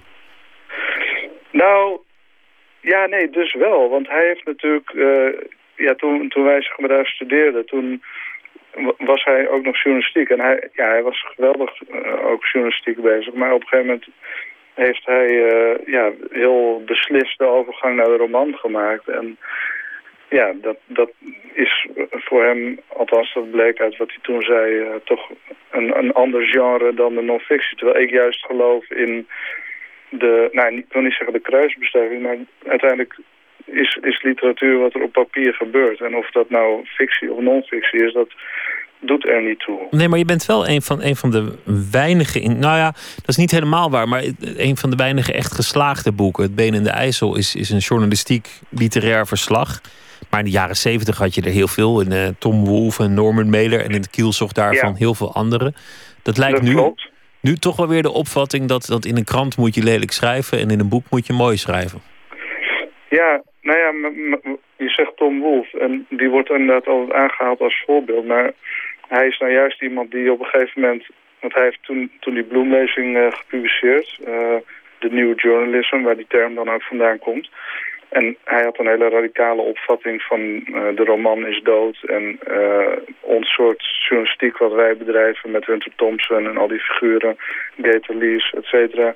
Die uh, gaat nu nieuwe richting in staan. En wat doet Tom Wolfe? Die gaat vervolgens zelf romans schrijven. En daar is hij echt beroemd mee geworden. En stinkend dus rijk. En, en ook hele mooie romans trouwens. Rijk. Ja, maar ja, het, het blijft dus een, ja, nog steeds een, een soort uh, uh, punt van discussie, uh, zeg maar. Terwijl ja, mijn opvatting blijft dat je moet het waarmaken op papier. En natuurlijk moet je weten of iets wel of niet gebeurt, waar gebeurd is. Maar als iets waar gebeurd is, zoals in, in het geval van dat been van mij... dan neemt dat niet weg dat je het vervolgens ook literair kan opschrijven. Absoluut, ben ik met je eens. Nou, morgen weer een verhaal uh, van jouw hand. Uh, veel plezier nog uh, in Oostende. In Oostende. Of, ik ja. ga nog even naar de ruizen van de zee luisteren en, en luisteren en het bekijken van plastic zakken die hier door de straat waaien. En dan ga ik lekker slapen. Nou, wens ik je een goede nacht. Ja, en, dankjewel. Veel plezier met het ruisen van de zee in Oostende. Joris van Kasteren, dankjewel. Tot morgen. U luistert naar de VPRO Nooit meer slapen. Een compleet geïmproviseerde voorstelling, iedere keer met andere gastacteurs. Dat is de gedachte achter De Nachtgasten. De gastacteurs krijgen pas aan het begin van de voorstelling te horen welke rol ze die avond moeten gaan spelen. Nachtgasten, bestaande uit Jorik Zwart, Koen Woutersen en Niels Quasset, vieren in april hun vijfjarig jubileum. Verslaggever Inge Terschuren bracht de heren een bezoekje tijdens een voorstelling in Utrecht. Een beetje naar rechts. Een beetje naar rechts. Nou. Hey, Jor, vraag even of die vrouw weggaat. Jorik Zwart, een van de nachtgasten. Dit is uh, het uh, decor voor vanavond. Twee tafels en, uh, en vijf barkrukken. Ja, dat is het decor. We doen altijd uh, voor elk verhaal halen we het decor uit het uh, theater waar we die avond spelen. Je probeert toch elke keer weer iets anders neer te zetten. En dit is nu wat we voor vanavond hebben. Kun je het concept even uitleggen? Wat is ja. de, de bedoeling van zo'n avond? Nou, wat, wat de bedoeling is, is wij... Uh, wij, wij, wij, wij, doen iedere avond doen wij een nieuw verhaal. We schrijven een nieuw verhaal uh, dat doet een van ons drieën. Dat, dat roleren we steeds. Uh, daar nodigen we drie, drie, of vier gastacteurs bij uit. Afhankelijk van hoeveel personages er meespelen. Vanavond zijn er vijf personages. Dus dan komen er vier gastacteurs en één van ons doet mee. Maar dat is dan niet de schrijver. Um, we vertellen die acteurs helemaal niks uh, van tevoren. Dus uh, zij weten niet waar ze in zijn. Ze krijgen alleen een hint. Uh, vanavond is het een politiek verhaal. En dus ze hebben waarschijnlijk een hint gekregen. Neem een pak mee of zo, zoiets. Meestal heeft het iets met kleding te maken. Um, en dan komen ze straks om acht uur, komt het publiek komt, komt binnen. En dan gaan de acteurs hier op een rijtje zitten. en dan gaan we even uitleggen wat we doen aan het publiek. En dan gaan we het verhaal voorlezen. En dat is het eerste moment dat de acteurs het ook horen. Samen met het publiek. Dat verhaal bestaat uit een algemeen verhaal, wat alle acteurs horen. En dan bestaat ook voor elk personage nog een, een, een persoonlijk verhaal met geheimen en doelen. En dat krijgen de acteurs één voor één te horen. En dan zijn ze achter. En, en alleen degene die zijn verhaal te horen krijgt, die zit hier. Het publiek hoort dus al die verhalen van alle acteurs. Maar de acteurs weten die verhalen niet van elkaar. En dan gaan zij dus anderhalf uur tot twee uur improviseren zonder onderbreking. En die gastacteurs, het zijn dus steeds andere mensen. Ja. Sommigen die komen wel eens uh, terug, heb ik begrepen. Maar allemaal mensen die niet uh, direct op elkaar ingespeeld zijn. Hoe moeilijk is het dan om daar één verhaal of één groep van te maken? Nou, dat is ook het leuke. Dat, dat je dus eigenlijk, we zoeken eigenlijk altijd uh, acteurs bij elkaar die inderdaad niet elkaar al heel goed kennen op de vloer. En, en, en eh, het, het, principe is een beetje van iedereen uh, staat er even eh, op dezelfde manier in. Je weet niks. En of je nou 80 jaar ervaring hebt of, of één jaar ervaring, het maakt niet zoveel uit. Want je moet het doen met elkaar. En dat is het, het leuke. Het gaat echt om samenspelen. En, uh, en daarom kun je dus bijvoorbeeld Bram van der Vlucht... naast iemand die in het laatste jaar van toneelschool zit zetten. Omdat ze moeten, het gaat erom dat je, dat je je openstelt voor elkaar... en dat je met elkaar gaat spelen. En dan, ja, dan maakt de ervaring dus eigenlijk niet zoveel uit. Eigenlijk merkten we heel snel dat acteurs vinden het vreselijk eng. Ze vinden het echt, echt bloedje eng om te doen. Maar zodra je het gedaan hebt, is het zo geeft het zo'n bevrijding en zo'n te gek gevoel... Dat, dat iedereen meteen nog een keer wil. En, en inmiddels staat er gewoon een hele lijst met acteurs... die, die, uh, die heel graag weer mee wil doen. Dus dat is... Uh... Hoe kan het dan dat het zo'n te gek gevoel geeft na afloop? Omdat je iets hebt overwonnen in jezelf? Ja, dat denk ik ook. Zeker. Omdat, omdat je dus van tevoren zo, uh, zo, het zo spannend vindt. En natuurlijk bang bent om, om, om uh, ja, op je bek te gaan. Of dat je het niet goed zou doen. Maar daar gaat het hier niet om. En, dat gaat, en, en wat je ervaart als je, als je lekker met elkaar staat te spelen. En wij proberen dat van tevoren heel goed voor te bereiden. Niet door te vertellen wat het verhaal is. Maar wel door uit te leggen wat de valkuilen zijn. En wat je, wat je tegen kan komen. Um, en als je dan die vrijheid met elkaar ervaart en met elkaar zo lekker kan gaan spelen, ja, dan is dat gewoon, ja, dat is de ultieme vrijheid gewoon. Dus echt, echt spelen wat het, wat het, woord, wat het woord zegt. Is dat ook waarom, want jullie van de nachtgasten hebben allemaal een toneelachtergrond. Is het ook waarom jullie ooit begonnen zijn? Omdat je meer die vrijheid wilde ervaren? Ja, ja, wij, zijn, wij, kennen elkaar van het Noord-Nederlands toneel. Daar hebben we uh, van 2002 tot, met, uh, of tot eind 2008 gespeeld. Uh, in tijden van Koos Terpstra, die was de artistieke leiding. En, um, en we hadden toen met elkaar zoiets van... we waren goede vrienden geworden. We hadden zoiets van, nou, we willen wel samen door. Maar wat gaan we dan doen? En toen gingen we bepalen van, ja, maar wat wil je nou eigenlijk doen? En we wilden eigenlijk alles doen. We wilden, we wilden western spelen, we wilden thrillers spelen. We wilden gewoon eigenlijk alles kunnen doen. En ja, hoe, dan ga je zoeken naar een manier van hoe kan dat. En dat hebben we eigenlijk nu gevonden met Nachtgasten. Omdat we dus elke keer een ander verhaal schrijven.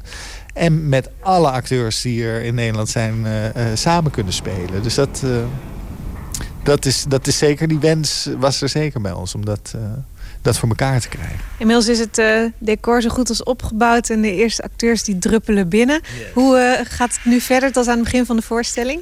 Nou, wij gaan nu uh, uh, met de acteurs naar het restaurant. We gaan, we, we, gaan eten, uitgebreid eten met ze. dan proberen we het zo min mogelijk over de voorstelling te hebben. Gewoon lekker relaxed en even lol hebben met elkaar. En dan zijn we een uur voor aanvang zijn we terug in het theater. En dan gaan we de regels uitleggen. En dat is voor de acteurs, ja, dan, dan, ja, dan komen ze een beetje in de concentratie. En dan, dan is het acht uur. Dan gaat de zaal open, zitten de acteurs klaar. En dan gaan we, leggen we uit wat we gaan doen. Vertellen we het verhaal. Dan hebben we drie kwartier voor. Een kwartiertje pauze. En dan gaan ze spelen. En dan anderhalf uur, twee uur spelen. Oké, okay, nou, ik ben benieuwd. We gaan het zien. We gaan het zien. Leuk. Zo, we hebben net uh, heerlijk ontspannen even gegeten met elkaar. En uh, lopen nu terug naar de stad Schouwburg in Utrecht voor de briefing van de acteurs. De gastacteurs die deze keer meedoen zijn uh, Dimme Treurniet, Rutger Lepol, Mats Wittermans en de acteur die uh, nu naast mij loopt, Erik van Muiswinkel. De voorstelling gaat over ongeveer anderhalf uur beginnen. Ja. Mag ik even je handen voelen? En nog geen zweethandjes? Nee, nog, nog, nu nog niet. Maar komt dat nog? Ja, dat komt, uh, ik heb nog maar één keer eerder dit gedaan. En dat komt in de pauze. Als je het verhaal hebt gehoord, de instructies hebt gekregen... en dan besef je, uh, waar je, je, in welk wespennest je je vingers hebt gestoken. En het, op dit moment kan je dat nog niet weten. Je, je, je weet gewoon niet wat er, wat er op je wacht. We hebben een hele globale, globale aanwijzing gekregen. Dat was? Ik moet een pak meenemen met een das. Nou, dat snap ik wel. Ik ga een politicus spelen, dat weet ik ook. Maar ja, dat kan natuurlijk alle kanten op. Ik heb geen idee uh, waar dat precies mee te maken heeft. En wat voor geheim ik heb en wat die anderen spelen. Ik heb, ik heb echt geen benul. En de, de, de, grote klap en de grote paniek krijg je in de pauze. Maar dan heb je gelukkig maar heel weinig tijd om je zenuwachtig te maken. Want na 20 minuten zijn die mensen weer terug uit de bar. En dan moet je gewoon beginnen. Dus je, dan ga je. En wat is dat dan, die paniek van... oh, straks gaat het mis? Of uh, waar zit hem dat in? Het zwarte gat. En uh, ook wel... Um, het zwarte gat is niet eens zo erg. Want het, ook in een zwart gat kan je spelen. En het hele publiek weet. Je kan niet je tekst kwijt zijn, want het is improvisatie. Nee, het, het, de, de paniek zit er meer in, nou, gewoon in de onzekerheid. Dat je niet weet waar je op afgaat. En het, het zit er in dat je niet... Je wil de rest niet in de steek laten. Je bent, waar je het bangste voor bent, is dat je iets verknalt. Een spaak in het wiel te steken. En uh, dat, is allemaal, dat kan je allemaal heel makkelijk wegredeneren. Want die angst heeft iedereen. En dat is nou juist het spel. Dus uh, in wezen is het dezelfde angst als voor de achtbaan op de kermis. het is ontzettend eng, maar je weet dat er toch niks mis kan gaan. En wanneer wordt het leuk? Um, ik moet je heel eerlijk zeggen dat bij mijn vorige optreden... Uh, dat was zo ontzettend lastig. Toen hadden we ook alleen maar onervaren mensen. Ik deed dat toen voor het eerst. En er waren er nog twee die het ook voor het eerst deden. En het was een heel ingewikkeld verhaal. Ik vond zelf toen, uh, de meesters, de, die, young masters die dit bedacht hebben... Waren, die waren tevreden. En het publiek vond het ook leuk. Dus het was geen ramp. Maar ik heb geen moment het gevoel gehad dat we met z'n allen in de flow zaten daarvoor was het allemaal te lastig en te raar. En ik denk dat het leuk wordt als je, als je goud aan boord, als je iets te pakken hebt. En wat het vooral is, het is bungee jumpen. Want op het moment dat je op dat podium staat... Dat, dat is natuurlijk dat is wel echt de magie. Maar die heb ik ook in mijn eigen vak. Dan moet je wel. Dan is er geen enkele ruimte in je hoofd voor reflectie. Want dan, dan ben je gesprongen. En dan komt de stoep dichterbij en dan ga je het gewoon doen. En, en dan ben je eigenlijk achteraf heel verbaasd over wat je gedaan hebt. Want het, eh, dat speelt zich grotendeels onbewust af. Is dat dan ook iets waar je iets aan hebt in je, in je andere werk? Dat je daar hier zo er maar inspringt en gaat improviseren? Dat is uh, een belangrijke reden dat ik dit überhaupt doe. Omdat ik hoop dat ik uh, daar wat van meeneem. Het gaat er hier om dat je samen iets improviseert... wat ook een groter dramatisch geheel wordt. En wat uh, ontroerend is, of, of schokkend, of de, het moet in ieder geval echt zijn. En het, het mag eigenlijk bij voorkeur geen comedy zijn. En dat is nou juist voor mij zo interessant... omdat ik nooit iets anders doe dan altijd maar de grap zoeken. We zijn weer terug bij de Schouwburg. Jij moet je volgens mij uh, zo gaan voorbereiden. Ik ga mijn, uh, mijn das strikken. Oh nee, dat mag ik pas in de pauze. We zijn weer uh, terug in de Schouwburg. En dan is het nu op naar de kleedkamer. Waar een van de nachtgasten, Koen Woutersen... de regels van het spel aan de acteurs gaat uitleggen. Wat we doen met nachtgasten is het spelletje... maak een zo mooi mogelijk verhaal met elkaar. Daar gaat het om. Niks anders. Het is dus ook niet het verneuk elkaar spelletje... maar echt help elkaar spelletje. Maak, help elkaar om zo mooi mogelijk scènes te maken... Dan hebben we onze zeven hoofdregels. Regel 1. Ontken het publiek. Wij spelen met een vierde band en dat doen we omdat het rete spannend is en alle acteurs willen het liefst zo snel mogelijk bevestiging zoeken. En dat doe je bij het publiek. Zodra één iemand het doet, moeten de anderen het ook doen en dan gaat het erover wie doet dat het best. Dus wij doen het super ouderwets, maar gooien de vierde wand dicht. Regel 2.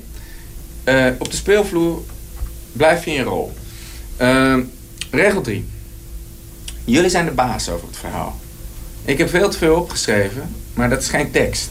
Je hoeft dus ook niet alles te onthouden. Mijn ervaring is, je onthoudt wel wat je onthouden moet. Het enige wat je echt moet onthouden zijn die geheimen. Eén waarschuwing, verzin nooit een geheim wat erger kan zijn dan de geheimen die ik heb uh, bedacht. Op het moment dat je dat doet, tackle je altijd het verhaal. Regel 4. Daar zijn we heel trots op. Koester de stilte. Ja. Wat zo lekker is, een stilte is dus niet je vijand. Want het wordt niet saai als je het even niet weet. Maar... Uh, de, het, het is opeens een instrument. Regel 5. Geen herhaling van zetten. Dan wees tactisch met je geheimen. Voor je rol is het geheim. Alleen, en je rol wil absoluut niet dat die geheimen vandaag uit gaan komen. Alleen, het is aan jullie als acteurs om ervoor te zorgen dat dit de dag is waarop alle geheimen van je rol uitkomen. Echt speel er naartoe. Dan de laatste regel. Blijf luisteren en reageren op elkaar. Leuke is van Nachtgasten, waar we het meest trots op zijn... dat jullie hebben nu nog nooit met elkaar op de vloer gestaan...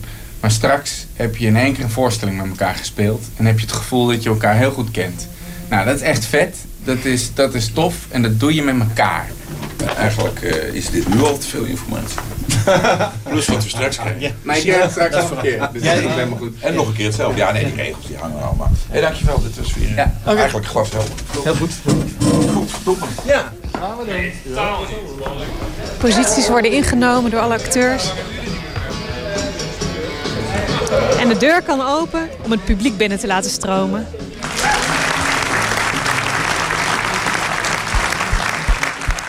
Het eh, verhaal wordt nu uitgelegd. Het speelt zich af net na de vorige Tweede Kamerverkiezingen... waar eh, een fictieve politieke partij met een aantal eh, zeer gelovige jongens samenkomt. Dat zijn Jan, Maxime en Jack. En ze hebben zwaar de verkiezingen verloren.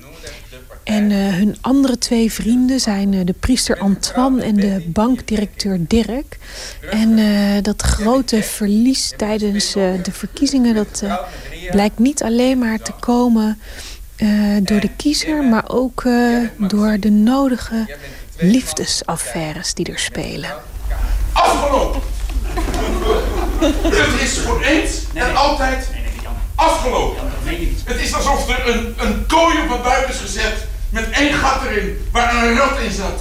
En dat was jij en die heeft zich naar binnen gevreten en naar boven en door mijn kop en door mijn neus en door mijn ogen. En ik ben er helemaal totaal gek van geworden.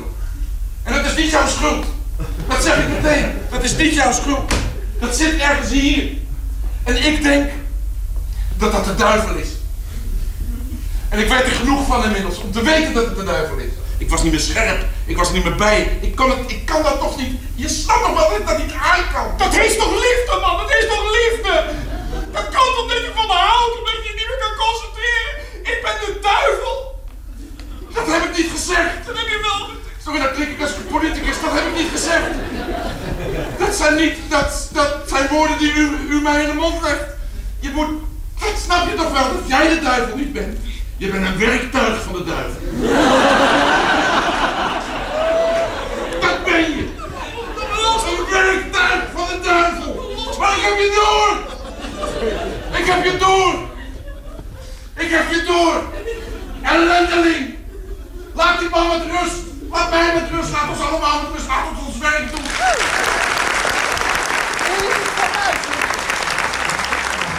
Mag ik iets vragen? Ja. Hoe vonden jullie het? Eh, ja, we hadden het net nog even over. Ik was er nog nooit naartoe geweest. Ik vond het, eh, vond het vet om het zo helemaal mee te maken en mee te volgen. En eh, zelf ook mee te denken van oké, wat zou ik hier nu doen als acteur zijn. eh. Hadden jullie verwachtingen vooraf wat het zou zijn? Ja, ik ben een keer eerder geweest in Zutphen. En toen, eh, toen wist ik al van dat, er, dat er heel erg uitgebreid toch wel wordt verteld van wat de verhaallijn is. En dat je dan pauze hebt en dat daarna vervolgens dat gaan spelen. Maar ik vond het vanavond echt, eh, echt nog tien keer zo mooi als in Zutphen. Dat, eh, En voor jou ook voor herhaling vatbaar? Ja, ik denk het wel. Ja, ik vond het wel. eh, ja, vooral het feit dat je zo mee kan denken. En eh, ook heel veel respect overigens voor ze. Maar dat, dat het zo. Ja, dat je echt ze ziet spelen ook. Dat vind ik super vet. Want wat maakt het nu? Het is natuurlijk niet hè, een toneelvoorstelling waar je een beetje weet wat je krijgt. En een voorstelling, eh, kaartje voor een voorstelling koopt. Wat maakt zo'n improvisatievoorstelling dan speciaal? Ja, juist dat ook, dat je niet weet wat je krijgt. En dat de acteurs het dus ook niet weten. En dat, dat is wel heel bijzonder. Dat zij ter plekke, dat je soms ook nog ziet nadenken of een grapje ziet maken... waar ze zelf bijna nog om moeten lachen op dat moment. Dat maakt het wel spontaner voor mij dan sommig ander teksttoneel. dat vind ik wel heel mooi. Oké, dank jullie wel. Meer informatie over deze voorstelling vindt u op www.nachtgasten.nl. Een bijdrage van Inge Terschuren. Iels heeft een nieuw nummer vrijgegeven van het nieuwe album dat binnenkort te verschijnen staat. De titel daarvan is The Cautionary Tales of Mark Oliver Everett. Het nummer dat we draaien heet Mistakes of My Youth.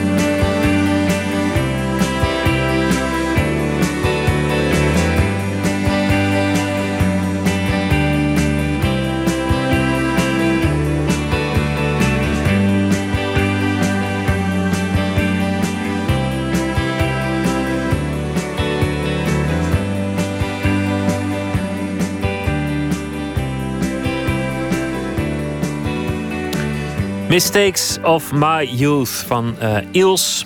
Van het eh, nieuwe album dat te verschijnen staat op eh, 22 april. Nooit meer slapen. Morgen kunt u, als u daar eh, zin en behoefte aan heeft, eh, stemmen voor de gemeenteraad. En onze verslaggever Anton de Goede loopt vast vooruit op deze heugelijke gebeurtenis. Door eh, te kijken of er literair stemadvies eh, te verkrijgen valt. Goeie, Anton. Ja, goeienacht Pieter. En je zegt, morgen kan er gestemd worden. Ja, eigenlijk er vandaag. kan nu, hè? Ja, en we hoorden op het nieuws net dat er zelfs nu al stemlokalen open zijn. Nu al? Ik geloof, ik geloof op Schiphol bijvoorbeeld. Oh ja, dat kan me iets bij voorstellen. Ja. En ehm, ja, nou kijk, ik heb heel veel verkiezingsuitzendingen ge- bekeken. Eh, vanavond ook weer. Pauw en Witteman en eh, de lokale Amsterdamse televisie gezien. En ik heb ze allemaal voorbij zien komen. Samson Wilders, eh, de, de Rotterdamse helden Jeannette Balieu, Joost Eer, Eertmans. Waar waren de schrijvers? Ik heb ze niet gezien. Waar waren de kunstenaars? Ik heb ze niet gehoord. Vind Terwijl je, dat dat, de- vind je dat dat moet? Dat, dat schrijvers en kunstenaars zich met dat soort dingen moeten inlaten? Nou, het zou in ieder geval verstandig zijn geweest, omdat bij deze verkiezingen, naar ik heb begrepen, veel van de landelijke eh, eh, beleidszaken op het gebied van kunst worden overgeheveld naar de gemeente. En eh, dat is dan puur eigenbelang. Maar voor de rest vind ik, ja, de politiek en kijk naar de Krim, kijk naar landen waar het niet goed gaat. Het is toch kostbaar democratisch spul, zou ik zeggen. Pieter, ja, ik ben Ja. wat dat betreft misschien een. Hè? Ja, ik weet niet. Ik vind, ik vind schrijvers die moeten, moeten zich eh, bezighouden met wezenlijke dingen. En politici die moeten gewoon quotejes leveren over de waan van de dag. Nou ja, in ieder geval, toen ik dacht aan schrijvers en politiek, moest ik denken aan een column van Karel van het Reven, die ooit prachtig schreef hoe het P van de A-stemmen hem verging. Hij maakte heel goed duidelijk dat je meestal stemt uit traditie en niet uit rationele overwegingen. Hij formuleerde het als volgt. Toen de verkiezingsdag naderde, kwam ik meer en meer tot de conclusie dat ik het eigenlijk helemaal eens was met de VVD. Maar heel gek, toen ik in dat stemhokje stond, toen stemde ik toch op Den Uil. Ik deed het wel tandenknarsend, zo van Joop, dit is absoluut de laatste keer, maar ik deed het toch maar. En de vraag is waarom. Enerzijds deed ik dat omdat ik mijn goede betrekkingen met mijn kinderen niet wilde bederven. Stemmen op de VVD zouden ze me pas na mijn dood hebben vergeven. En wat heb ik eraan? Anderzijds bewijst mijn stemgedrag het irrationele, welhaast religieuze karakter van het stemmen in Nederland. Niet alleen bij mij, maar ik geloof ook bij veel anderen. Ik stemde niet op de partij van mijn keuze dus, maar op de partij waar ik meende bij te horen. Ik was het niet eens met die partij, maar ik hoorde erbij.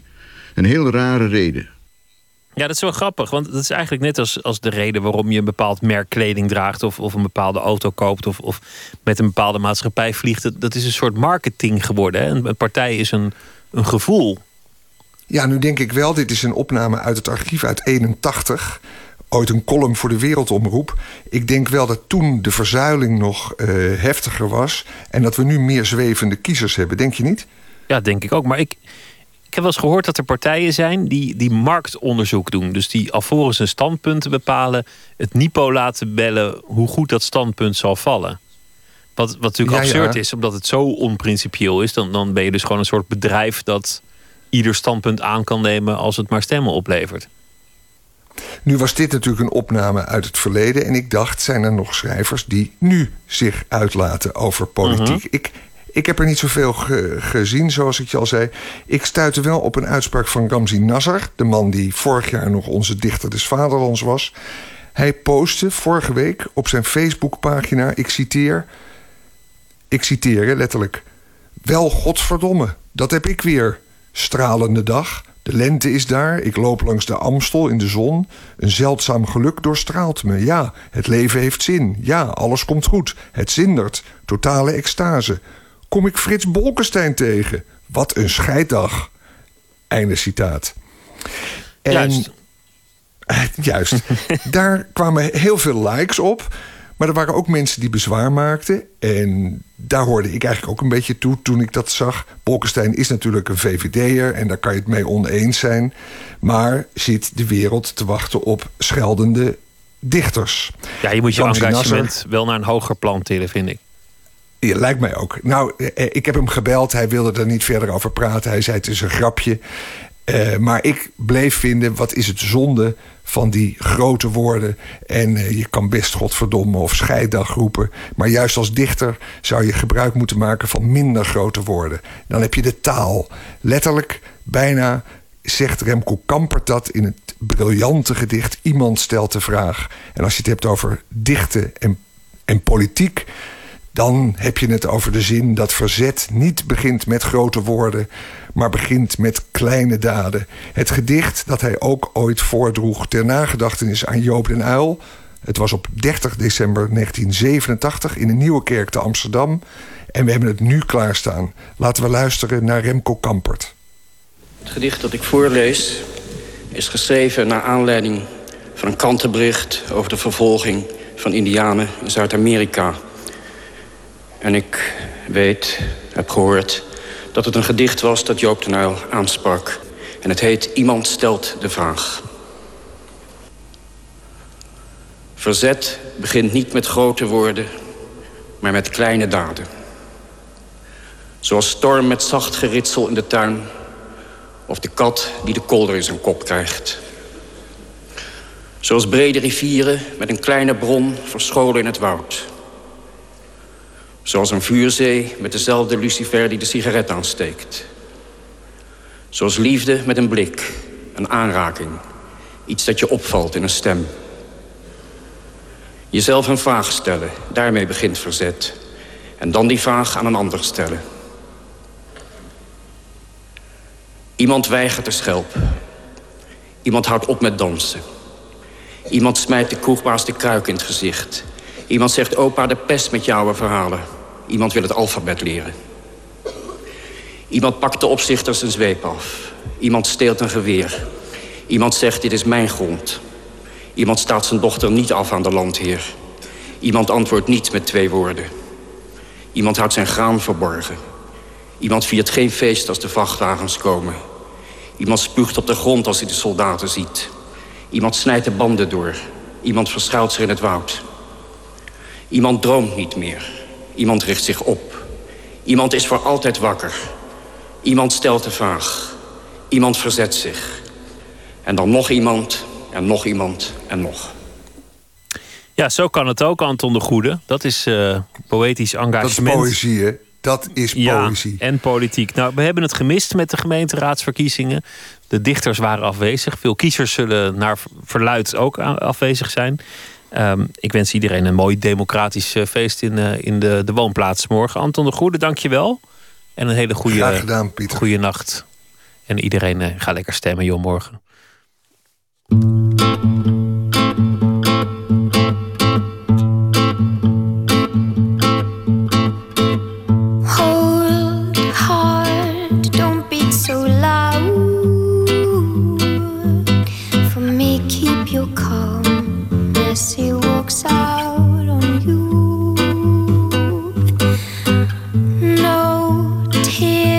lips, don't you come out if you blind me now.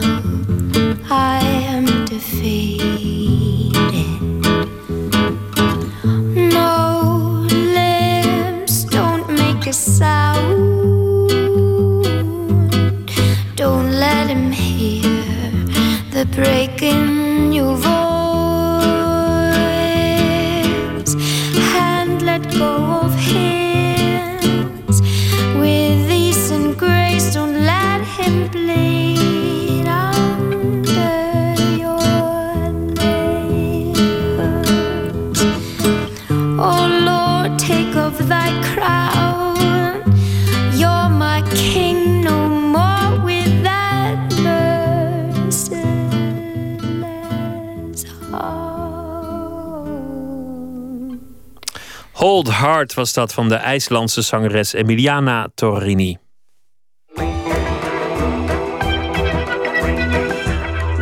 U luistert naar de VPRO op Radio 1. We maken allemaal af en toe ellendige dingen mee, maar iedereen gaat daar vervolgens anders mee om.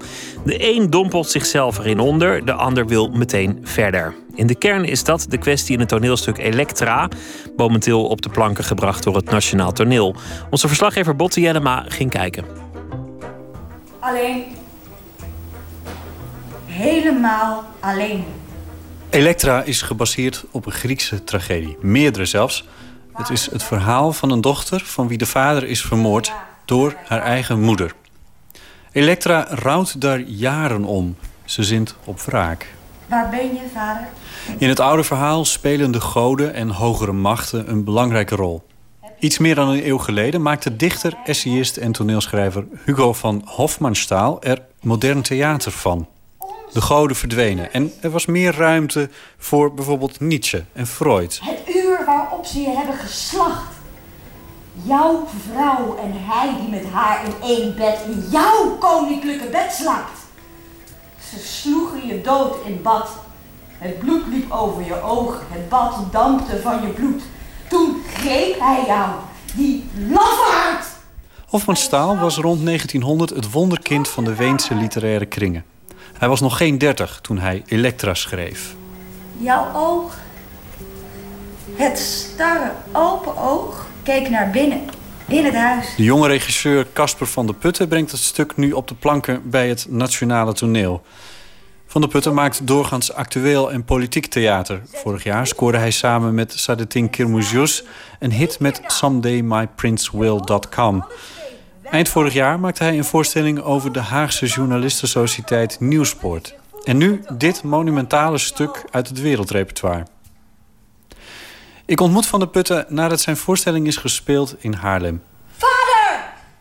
Hij had met het uitzoeken van Elektra nog de keuze uit een aantal theaterversies van dit verhaal. Ik wil je zien.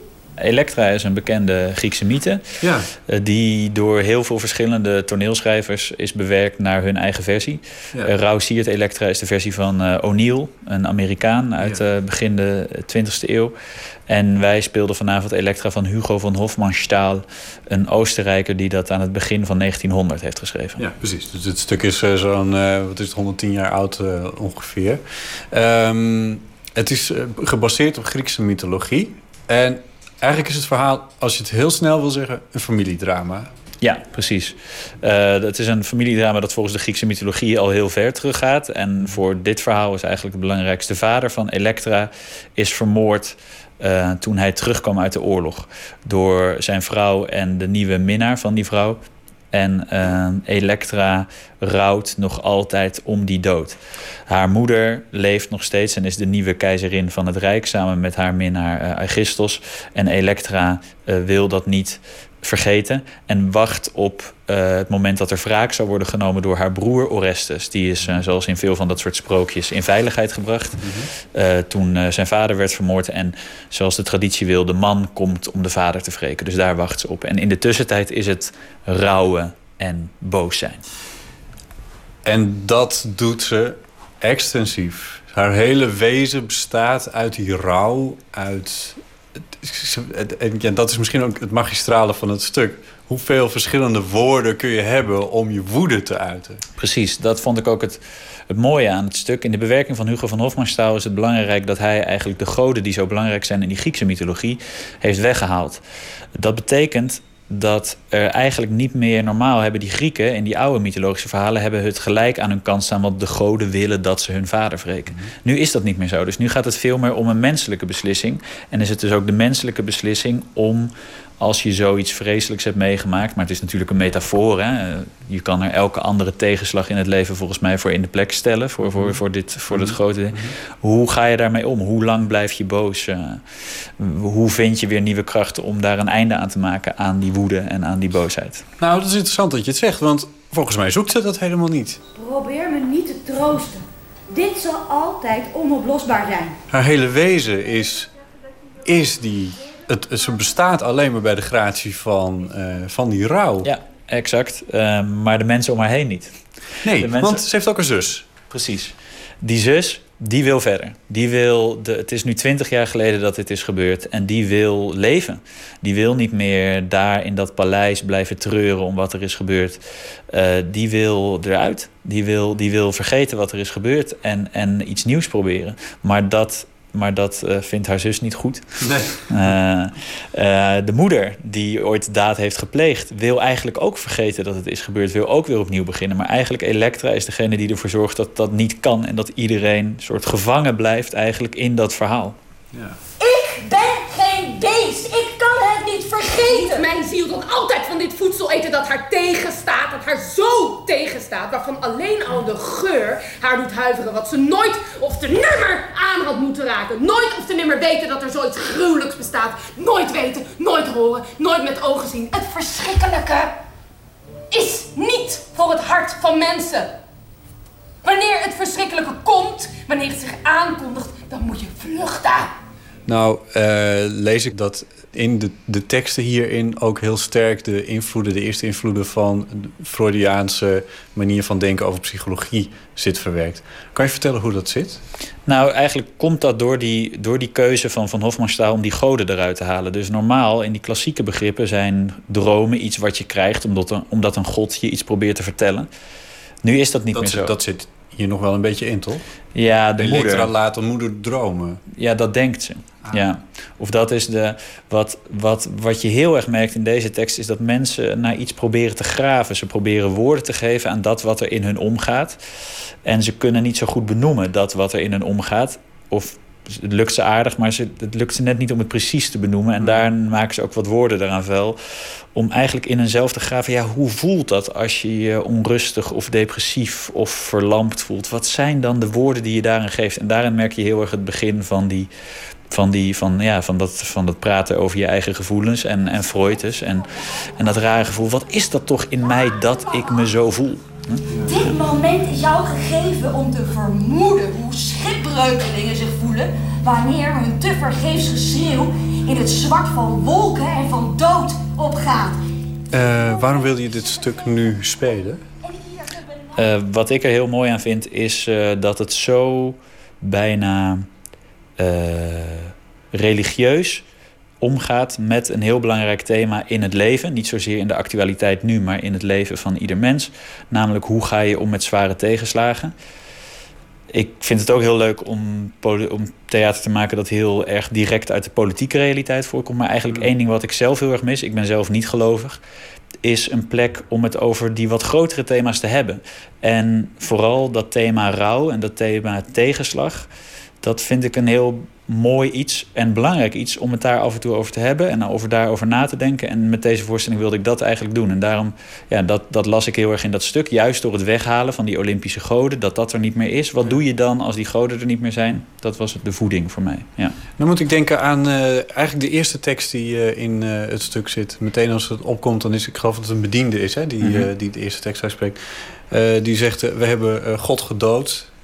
En eh, ja, hoe, hoe gaan we dan nu nog om? Ja, hoe ze het precies zijn, maar eh, de, de, de, het, het, ze gooit er ook een bak met namen uit. Mhm. Het- toen was je mij even kwijt, maar goed.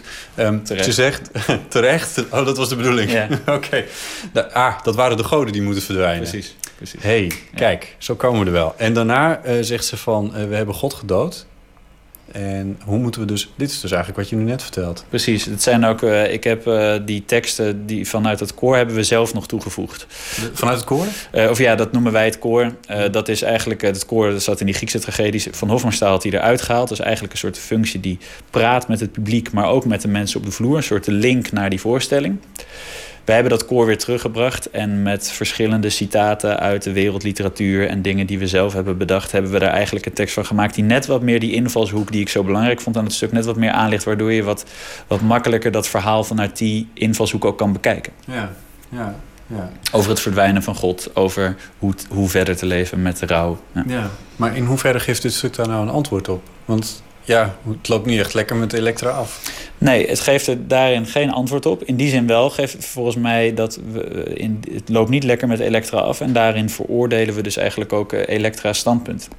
Eh, ik. Dat, Eh, dat van de, de diepe rouw, dat van het wentelen in je eigen verdriet... en niet kiezen voor het leven, maar voor de wraak. Ja, je moet door, hoe gruwelijk dat ook is. Je moet door. En dat, dat, dat, eh, dat wil Elektra zelf niet geloven. En eh, Mariana, die Elektra speelt, zal ook heel boos zijn als ik dit nu zeg. Want die verdedigt dat personage. Maar, Aha. maar dat is de reden dat het bij ons wel slecht afloopt met Elektra. Je kan, wa- waarom wil ze het niet geloven dan? Ja, dat is de rol van een acteur. Dat is de advocaat van een rol. Hè. Die moet gewoon die moet voor dat standpunt blijven gaan. En zelfs in de repetities, ook als ze niet in de rol is, dan verdedigt ze dat standpunt. Ja. maar dat wordt dan echt een strijd tussen jullie? Eh, of is het, ja, ja, het nou, is een nee. verzonnen, verzonnen strijd? We houden daar op een gegeven moment over op, omdat eh, ik bepaal wanneer de blackout komt. En zij moet gewoon tot het einde dit verdedigen. Dus dat is een goed recht om daar eh, niet mee eens te zijn. Ja. Zelfmedelijden, je afzonderen, boos op de wereld, het gevoel dat je uniek bent. Allemaal vormen van ijdelheid. Zie Hoezeer ik lijd, hoezeer anderen dat niet begrijpen, bewijst het niet hoezeer ik heb lief gehad. Nou, nou eh, zei je net al van ik maak vaak eh, eh, stukken die wat meer actueler zijn. Nieuwe teksten. eh, politiek theater maak je ook. Dit is een stuk uit de wereldliteratuur. Tenminste, dit wordt vaker gespeeld. Hoe is dat nou voor jou om als jonge regisseur je bezig te houden met zo'n wat, ja, hoe zeg je dat? Massievere tekst die wat monumentaler is? Eh, eh, leuk en soms niet leuk. Het is, eh, ik, als ik het probeerde uit te leggen aan vrienden die niet zoveel met theater te maken hebben, zei ik zo: ja, het is een beetje zo'n Griekse tragedie, is een beetje de buff bourguignon van, eh, van, de, van de wereldliteratuur. Hè. Je, je, het is een, een zwaar groot gerecht, maar als kok wil je hem wel een keer gemaakt hebben. En dat had ik nu ook. Ik vond het heel bijzonder om erin te zitten. Ik heb van jongs af aan heel veel met die oude Griekse verhalen. Ik vond het altijd hele mooie verhalen. Dus daarin voelde ik me erin thuis. Tijdens het werken vond ik dat heel spannend. Nu merk ik af en toe van ja, die teksten zijn zwaar. Dus wij kennen ze natuurlijk al heel goed. Wij zijn er vanaf moment één in. Terwijl het publiek zal toch tien minuten moeten wennen. Nou, nou ja, oké, dat hoort erbij. Ik vond het heel bijzonder. Ik vind het heel bijzonder dat ik nu eh, door een van de velen ben die dit een keer heeft gedaan. En ervoor zorgt dat dit weer tot leven is gewekt. Hè? Dat is, ja, ja. Wat, wat, wat was het wat je, wat je wilde overwinnen misschien in jezelf als, als regisseur? Ehm, nou ja, dat overwinnen. De, de, De zit- bourguignon zeg je. Je wilde je een keer gekookt hebben. Ja, de- het is het, is het, het is het begin. Het theater is begonnen bij de Grieken. Dus zij, zijn de, zij, zij hebben het bedacht. Zij hebben bedacht dat er iemand een verhaal ging vertellen... en dat er dan iemand antwoord ging geven op dat verhaal. En, dus dit is de oorsprong. En, en, en dat, is, dat is gewoon heel bijzonder om dat aan te raken. Eh, eh, wat ik wilde overwinnen... Ik wilde het naar me toe trekken. Ik wilde er zelf iets bij voelen. En niet het idee hebben dat ik een traditie aan het voortzetten was... maar iets van mezelf daarop. Hè? En, en, de- en dat is wel ja, dat is gelukt. Tijdens de repetities is dat heel erg gelukt. Dus dat is fijn. Ja. Hij is gegaan en ik heb hem de bijl niet kunnen geven. Er bestaan geen goden in de hemel.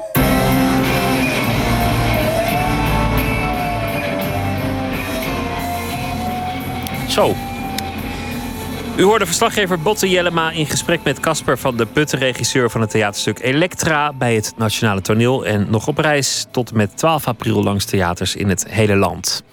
En zo zijn we aan het einde gekomen van deze aflevering van Nooit meer slapen. Morgen zijn we er weer, een uurtje later dan gebruikelijk, vanaf 1 uur. Dit in verband met de verkiezingen en vooral met eh, de uitslagen van die verkiezingen. En dan praten we onder andere met schrijver Gerbrand Bakker.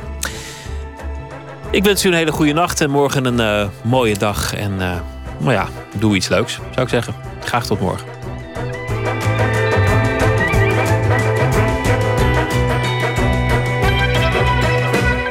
Op Radio 1, het nieuws van alle kanten.